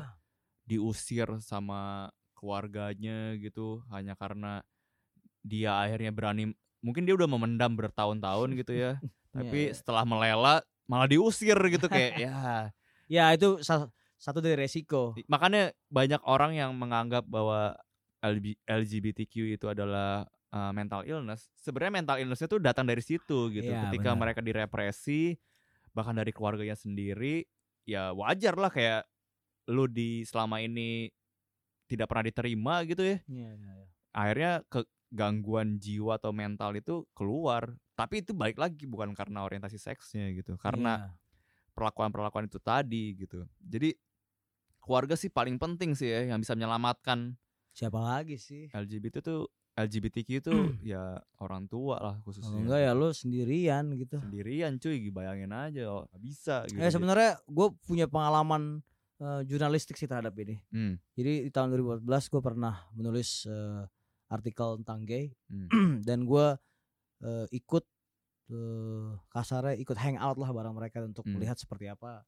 uh, gay tongkrongan gay itu kayak gimana sih gitu hmm. ya gue ikut ya kita kita nongkrong bareng kita pergi ke Apollo uh, gue coba drugs gay, gue coba lihat tarian gay, gue ada di dance floor yang sama dengan para gay, gue melihat bagaimana trans berciuman gue melihat wah banyak di ujung-ujung dari semua party itu pemandu gay gue ini pulang sendiri Pram hmm. dan dia bercerita bahwa dia pergi ke Jakarta dari kota kecil uh, karena diusir setelah dia mengaku hmm. melela gitu ya demi menemukan mimpi kota Jakarta sebenarnya di mana dia hmm. dia dia kira bukan dia kira dia yakin dia bisa lebih diterima gitu hmm. daripada keluarganya sendiri. Kan ironis sebenarnya kan ya. Ironis gitu, ironis itu. Jadi rumah harusnya menjadi yang paling dipercaya gitu. Iya gitu. Jadi gue lihat kayak gue nganterin dia pulang gitu, anjir ujung-ujungnya oke okay, lo sendiri ya gitu. Hmm. Dan salah satu jadi menurut gue mungkin gay itu seperti seorang ya dalam kacamata teman gue ini waktu itu ya seorang filsuf kali ya jalan yang sunyi yang ditempuh tuh kalau menjadi kayak hmm. bisa jadi kayak itu risikonya hmm. ya enggak itu kan risiko risiko dari melela tadi kan hmm. lo udah melela lo diusir lo udah melela malah bokap lo bisa mati hmm. ya kan lo bisa melela lo akhirnya malah jadi hidup sendiri gitu kan. hmm. kan ya ya itu jadi sebenarnya kita cukup salut ya sama teman-teman iya. yang yang ya betul melela itu poinnya itu sangat itu poinnya itu tingkat poinnya. keberanian yang sangat tinggi gitu melihat ya, situasi benar. seperti ini makanya ya. kita ini ya memilih uh, karya ya atau lagu dari Tika and the Dissidents nih ya. di dari album Merah. Mm -hmm. Judul lagunya adalah Unlearn the Fight. Unlearn ya. the Fight. Lagu ini, ini tentang apa nih Pram? Dia tentang ke mana sih kalau Tika cerita ya tentang pertempuran ego antara dia dan uh, orang tuanya ya. Iya, peneri ya sama sebenarnya kayak sama. penerimaan di keluarga gitu. Iya, iya, iya. Kalau gue kutip liriknya nih yang di uh, awalnya tuh adalah why you raising us to be just like you, beliefs and values, your version of the truth, have a little faith in your sons and daughters. Gitu. Ya. Jadi ini sangat inilah sangat merepresent permasalahan ini gitu dan lagunya juga bagus banget sih menurut gue I've kayak. grown out of your ism won't fit in your little box wouldn't say I'm left or right I'm just grateful that I ain't you grateful that you ain't me trying to unlearn the fight ya itu sebenarnya agak sedih ya iya yeah. lihat uh, kalimat terakhir hey force the ideologies I'll just puke them out and we'll fight endlessly. Mantap. Ya, ya maksudnya mungkin kalau misalnya untuk diterima di masyarakat itu masih terlalu sulit untuk hari ini gitu ya. Ya mungkin cukup dengan bukan dianggap sebagai masalah kali ya. Iya. Yeah. Nah, maksudnya gay itu ya lo nggak lo nggak bisa terima gay, oke. Okay. Tapi jangan anggap mereka sebagai masalah gitu. Betul. Mereka sama kayak lo, bekerja, cari uang, cari senang-senang, cari kehormatan, cari tidur, cari cari semua hmm. gitu hidup yang enak yang nyaman secara spiritual rohani jasmani gitu kan. Eh, sama kayak lo juga yang lo lakuin tiap hari punya ego punya punya hati juga iya. gitu kan. Jadi itu dia cobalah. Coba apa Bram? Apa kayak yang dicoba? Iya pokoknya itu ya bahwa keluarga penting ya. Makanya kita milih lagu Unlearn the Fight Ya. Dari Tika and the Dissidents. Ya, semoga orang-orang dan kawan-kawan LGBTQ bisa lebih cepat melelah. Oke, seperti biasa kita akan melakukan sesi honorable mention. Iya. Ini bukan honorable Ini bukan honorable mention permasalahannya ya. Iya bukan. Honorable mention lagunya nih. Lagu-lagu yang uh, eh, gue rasa yang kita rasa mempresentasikan uh, gay. Tuh, uh, bukan gay doang sih, tapi kayak lebih tepatnya uh, merepresentasikan uh, situasi LGBTQ lah gitu okay. di, di Indonesia gitu. Lalu apa ya? Lu dulu deh. Gua ini sebenarnya lagunya gua nggak suka sih ya. Cuman cuman uh, gue suka dengan uh, sarkasme yang uh, dikasih sama lagu ini gitu ya. Hmm. uh, sarkasme dan kenyataan bahwa gay itu bukan kelainan atau bukan penyakit tapi kelakuan kelakuan bodoh. Okay. ini dari Kung Pao Chicken uh, judulnya lagu gay. Hmm. ini gue mau bacain liriknya. Uh, gay. Kalian tahu gay itu apa? Gay itu bukan kelainan atau bukan penyakit tapi kelakuan kelakuan bodoh. Kelakuan kelakuan bodoh Aku tak suka dibilang gay, aku tak mau jadi gay. Anak SMA dan SMP main ke mall di jam sekolah, dia pasti gay. Om-om yang punya simpanan muda, om-om yang punya simpanan istri muda, pasti gay. Hakim yang bisa disuap, itu gay. DJ yang meniduri pacar orang lain, itu gay. Juga DJ yang suka meniduri grupisnya, itu gay. Hmm. PNS yang suka ngegosip di jam kerja, gay. Polisi yang suka nerima uang suap, gay. Penjabat pejabat pemerintah yang suka korupsi, gay. Mahasiswa yang suka nitip absen, gay. Yang mandinya lama itu gay. Yang suka telat kalau janjian, gay. Israel itu gay. Yang dukung Amerika di Piala Dunia, gay. Yang rokok di angkot, gay. Yang buang sampah sembarangan, gay. Yang kentut nggak ngaku, gay. Jadi dia ini ya uh, sarkas lah ini bisa dibilang ya. Ya.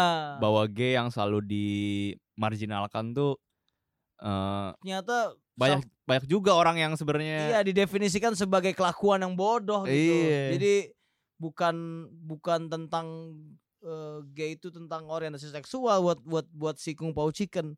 Tapi buat dia uh, gay itu kelakuan gini. Yang suka bawa beceng senjata api ke tempat umum selain aparat gay.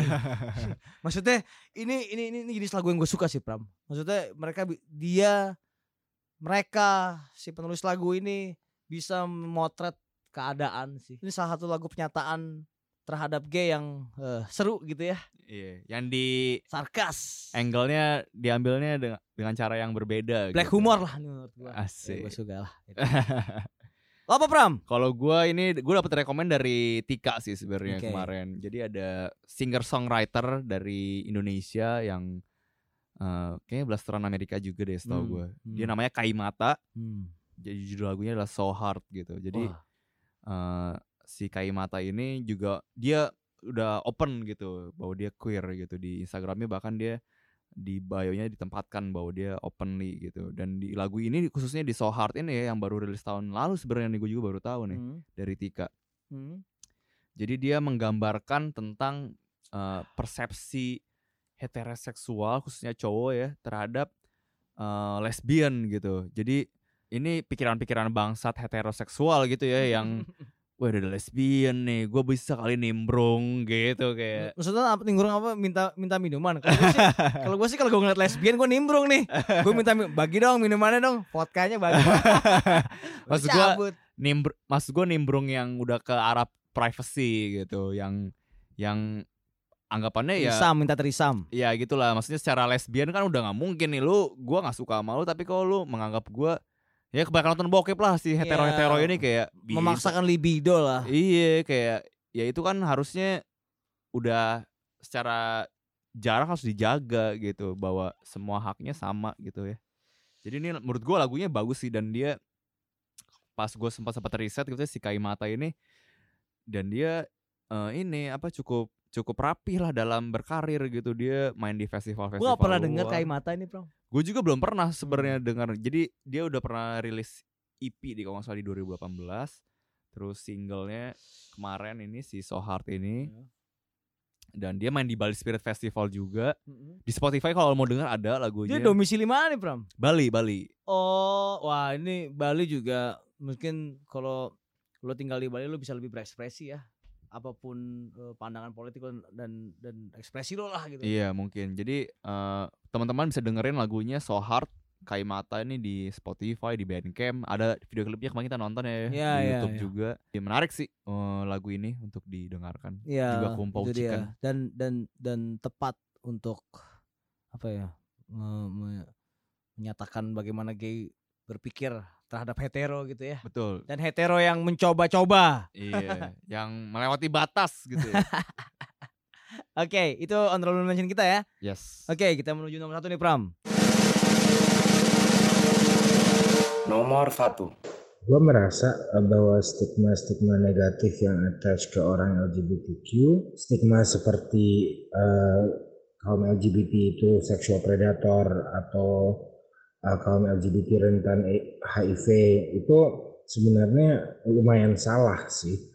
Um, karena kalau kita lihat dari statistik uh, pengidap HIV aja persentase terbesar itu bukan dari kaum LGBTQ uh, cenderung dari kaum hetero malah nah, terutama wanita um, yang cenderung ditularkan oleh pasangan heteronya atau suaminya.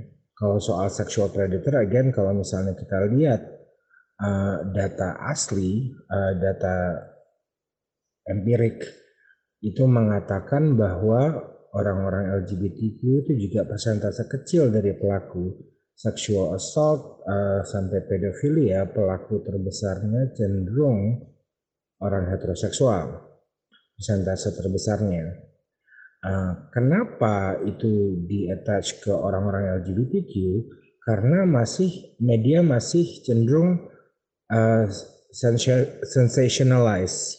Um, jadi yang benar-benar di garis bawahi itu selalu orientasi seksualnya. Jadi kalau misalnya ada pelaku kekerasan seksual, kalau misalnya hetero itu kekerasannya yang digaris bawahi. Tapi kalau misalnya pelakunya LGBTQ, pasti LGBTQ-nya yang digaris bawahi.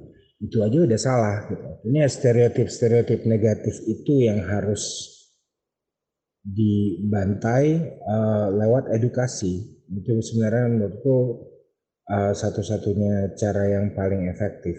Terutama edukasi lewat media. Media yang paling bertanggung jawab menurut menurutku yang paling bisa efektif untuk meluruskan semua stereotip negatif dan menyebarkan fakta-fakta positif yang benar. Menurut gue sih pihak yang paling yang memiliki pengaruh paling besar untuk melakukan perubahan terhadap pandangan tersebut ya media um, gue juga merasa bahwa suara-suara LGBT harus lebih keras. Apalagi kalau misalnya ada public figure, public figure yang LGBT yang berani menyuarakan uh, seksualitas mereka.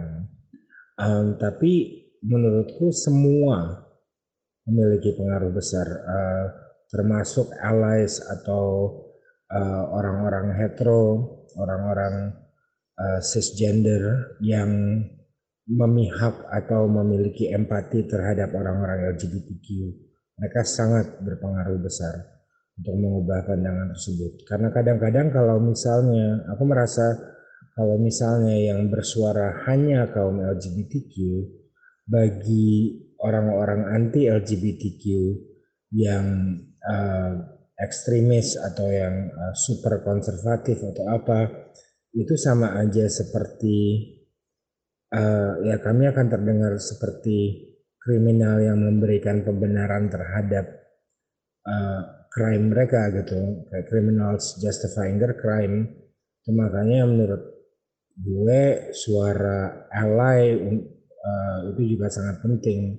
Kita harus semua bersatu untuk membantai stereotip dan meremove stigma negatif dan fokus ke fakta-fakta nyata tentang LGBTQ. Oke, itu tadi nomor satu.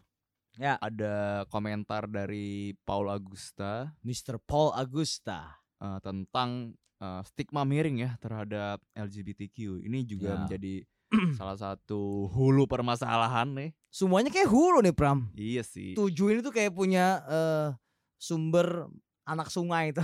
Asik. Iya kayaknya tapi si stigma miring ini kayaknya sangat penting ya untuk mungkin ini adalah dari dari benang Semua, kusut nih yeah. stigma miring nih salah satu yang paling penting untuk di soalnya paling gitu. paling paling gampang kita temui juga sebenarnya benar kita sadar tadi, atau nggak sadar sih iya, sebenarnya bahkan di, di kepala lo sekarang lagi pada dengerin nih iya. mungkin aja lo udah menciptakan stigma di kepala lo terhadap uh, gua dan Pram iya. atau terhadap Paul Augusta tadi atau kepada semua narasumber kita atau kepada uh, teman kubikel lo yang gay gitu kan ya iya kan jadi kayak uh, ini tadi seperti yang Paul bilang bahwa edukasi dan mencari tahu informasi yang ya. tepat tuh menjadi penting sekarang apalagi di kemudahan mendapat informasi seperti sekarang ini ya gitu karena baik lagi bahwa teman-teman LGBTQ itu uh, manusia gitu kan yeah. tadi yang Paul bilang bahwa ini bukan masalah isu ini bukan masalah penyakit lagi ini bukan ideologi apalagi ya kayak ada yang bilang bahwa uh, eh, LGBTQ itu penular HIV atau enggak gitu. LGBTQ melakukan perekrutan. Iya. Kayak yang ini tau gak lo yang di uh, Riau ada Komisi Penanggulangan AIDS. Hmm? Dia sebagai lembaga yang yang bisa dikatakan resmi gitu ya.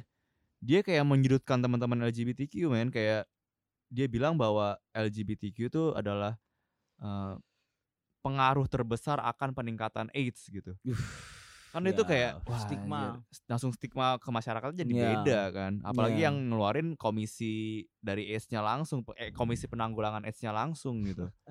Jadinya kayak terus tadi juga Paul bilang bahwa banyak sosok atau figur yang sebenarnya mungkin punya privilege lebih gitu ya tapi tidak menggunakan itu penting itu penting banget sih itu sama kayak mungkin gue lihat fungsi uh, bintang rock gitu ya yeah. di di dalam suara politik gitu hmm. Itu ketika lo punya corong gitu yeah. yang dia punya status lebih tinggi dan punya nyali untuk menyuarakan uh, apa ya sebuah misi atau pesan gitu ya hmm.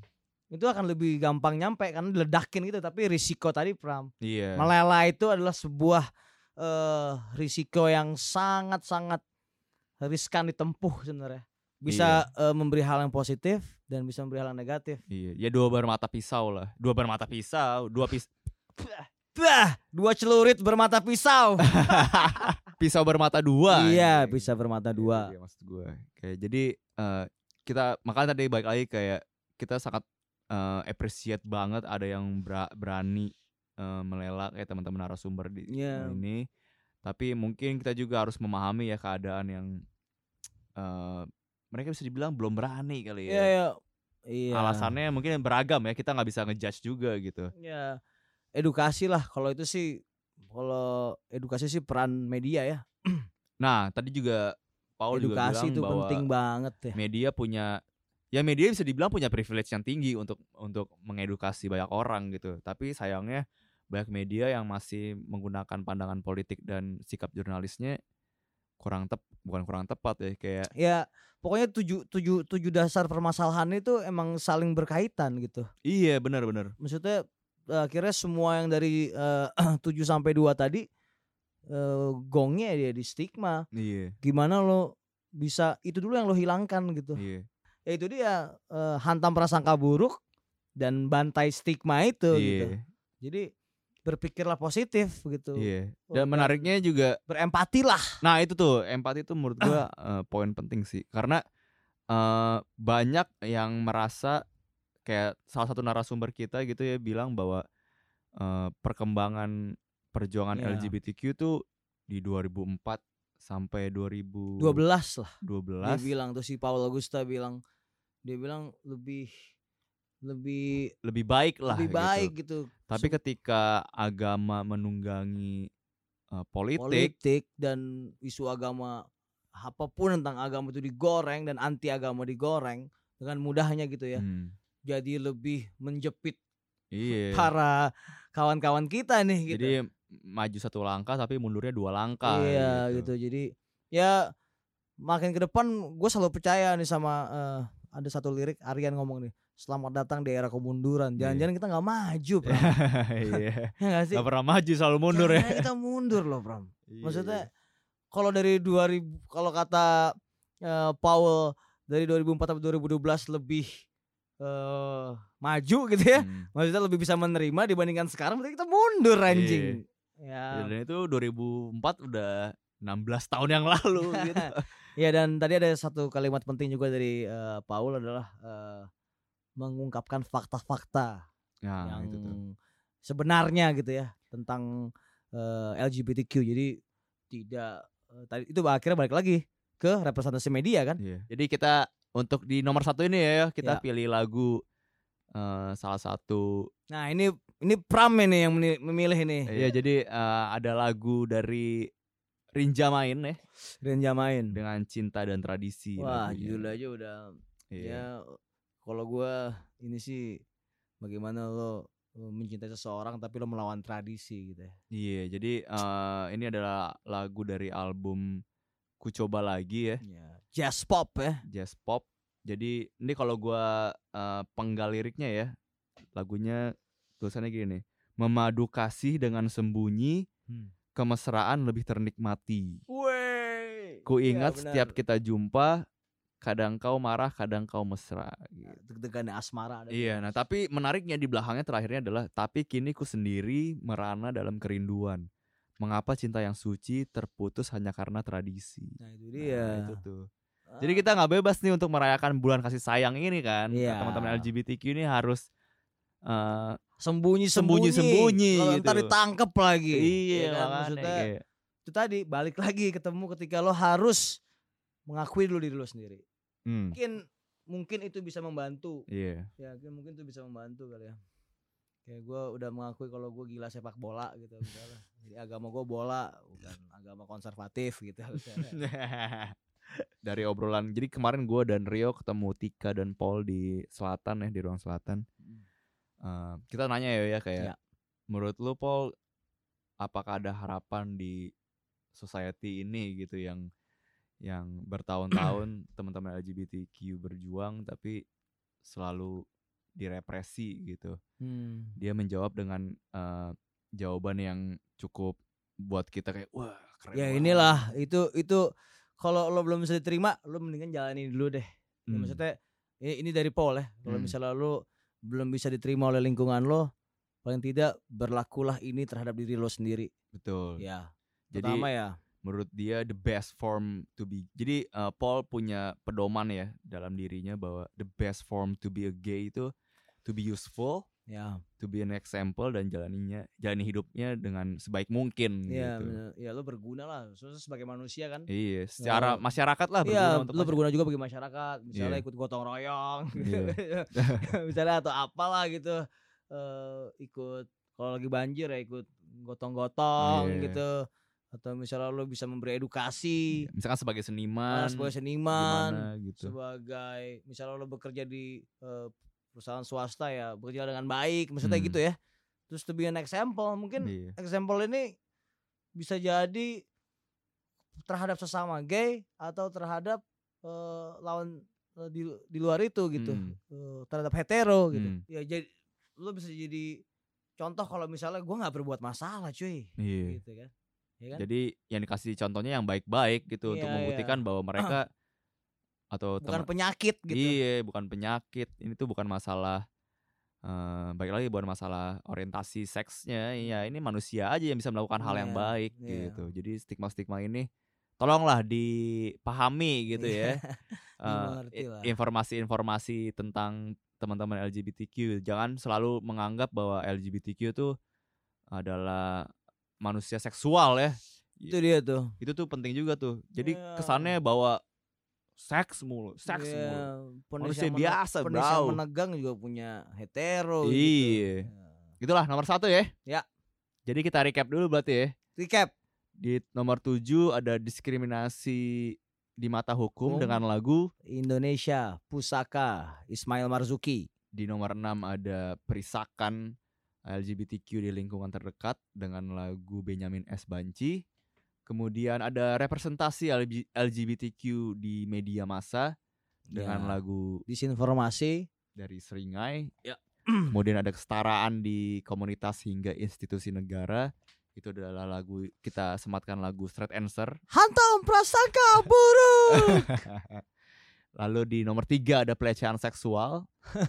itu ya, ini adalah efek rumah kaca bukan lawan jenis. bukan lawan jenis di nomor dua ada penerimaan keluarga dari Tika and Dissidents. Unlearn the Fight. Unlearn the Fight dan nomor satu stigma miring akan gay. Kami sematkan lagu Rinja Main berjudul. Cinta dan Tradisi. Gitu ya. Udah gitulah ya. Udah kita udah memberi edukasi gak nih Pram? Asik. Semoga ya. Semoga ya. Semoga berguna ya. Semoga berguna ya. Sebagai masyarakat kita harus berguna dong ya. Nah, lu kalo, jangan kalau nggak berguna lu pasti udah matiin ini dari menit ke 35. kalau lu masih mendengar sampai kalimat terakhir ini, berarti kita berguna Pram. to be useful, to be an example, jalani hidup sebaik mungkin. Even you're not gay or you are gay. Yes, itu dia. Tanto Tantomo Chaps. Pramidi dia cabut. Daftar 7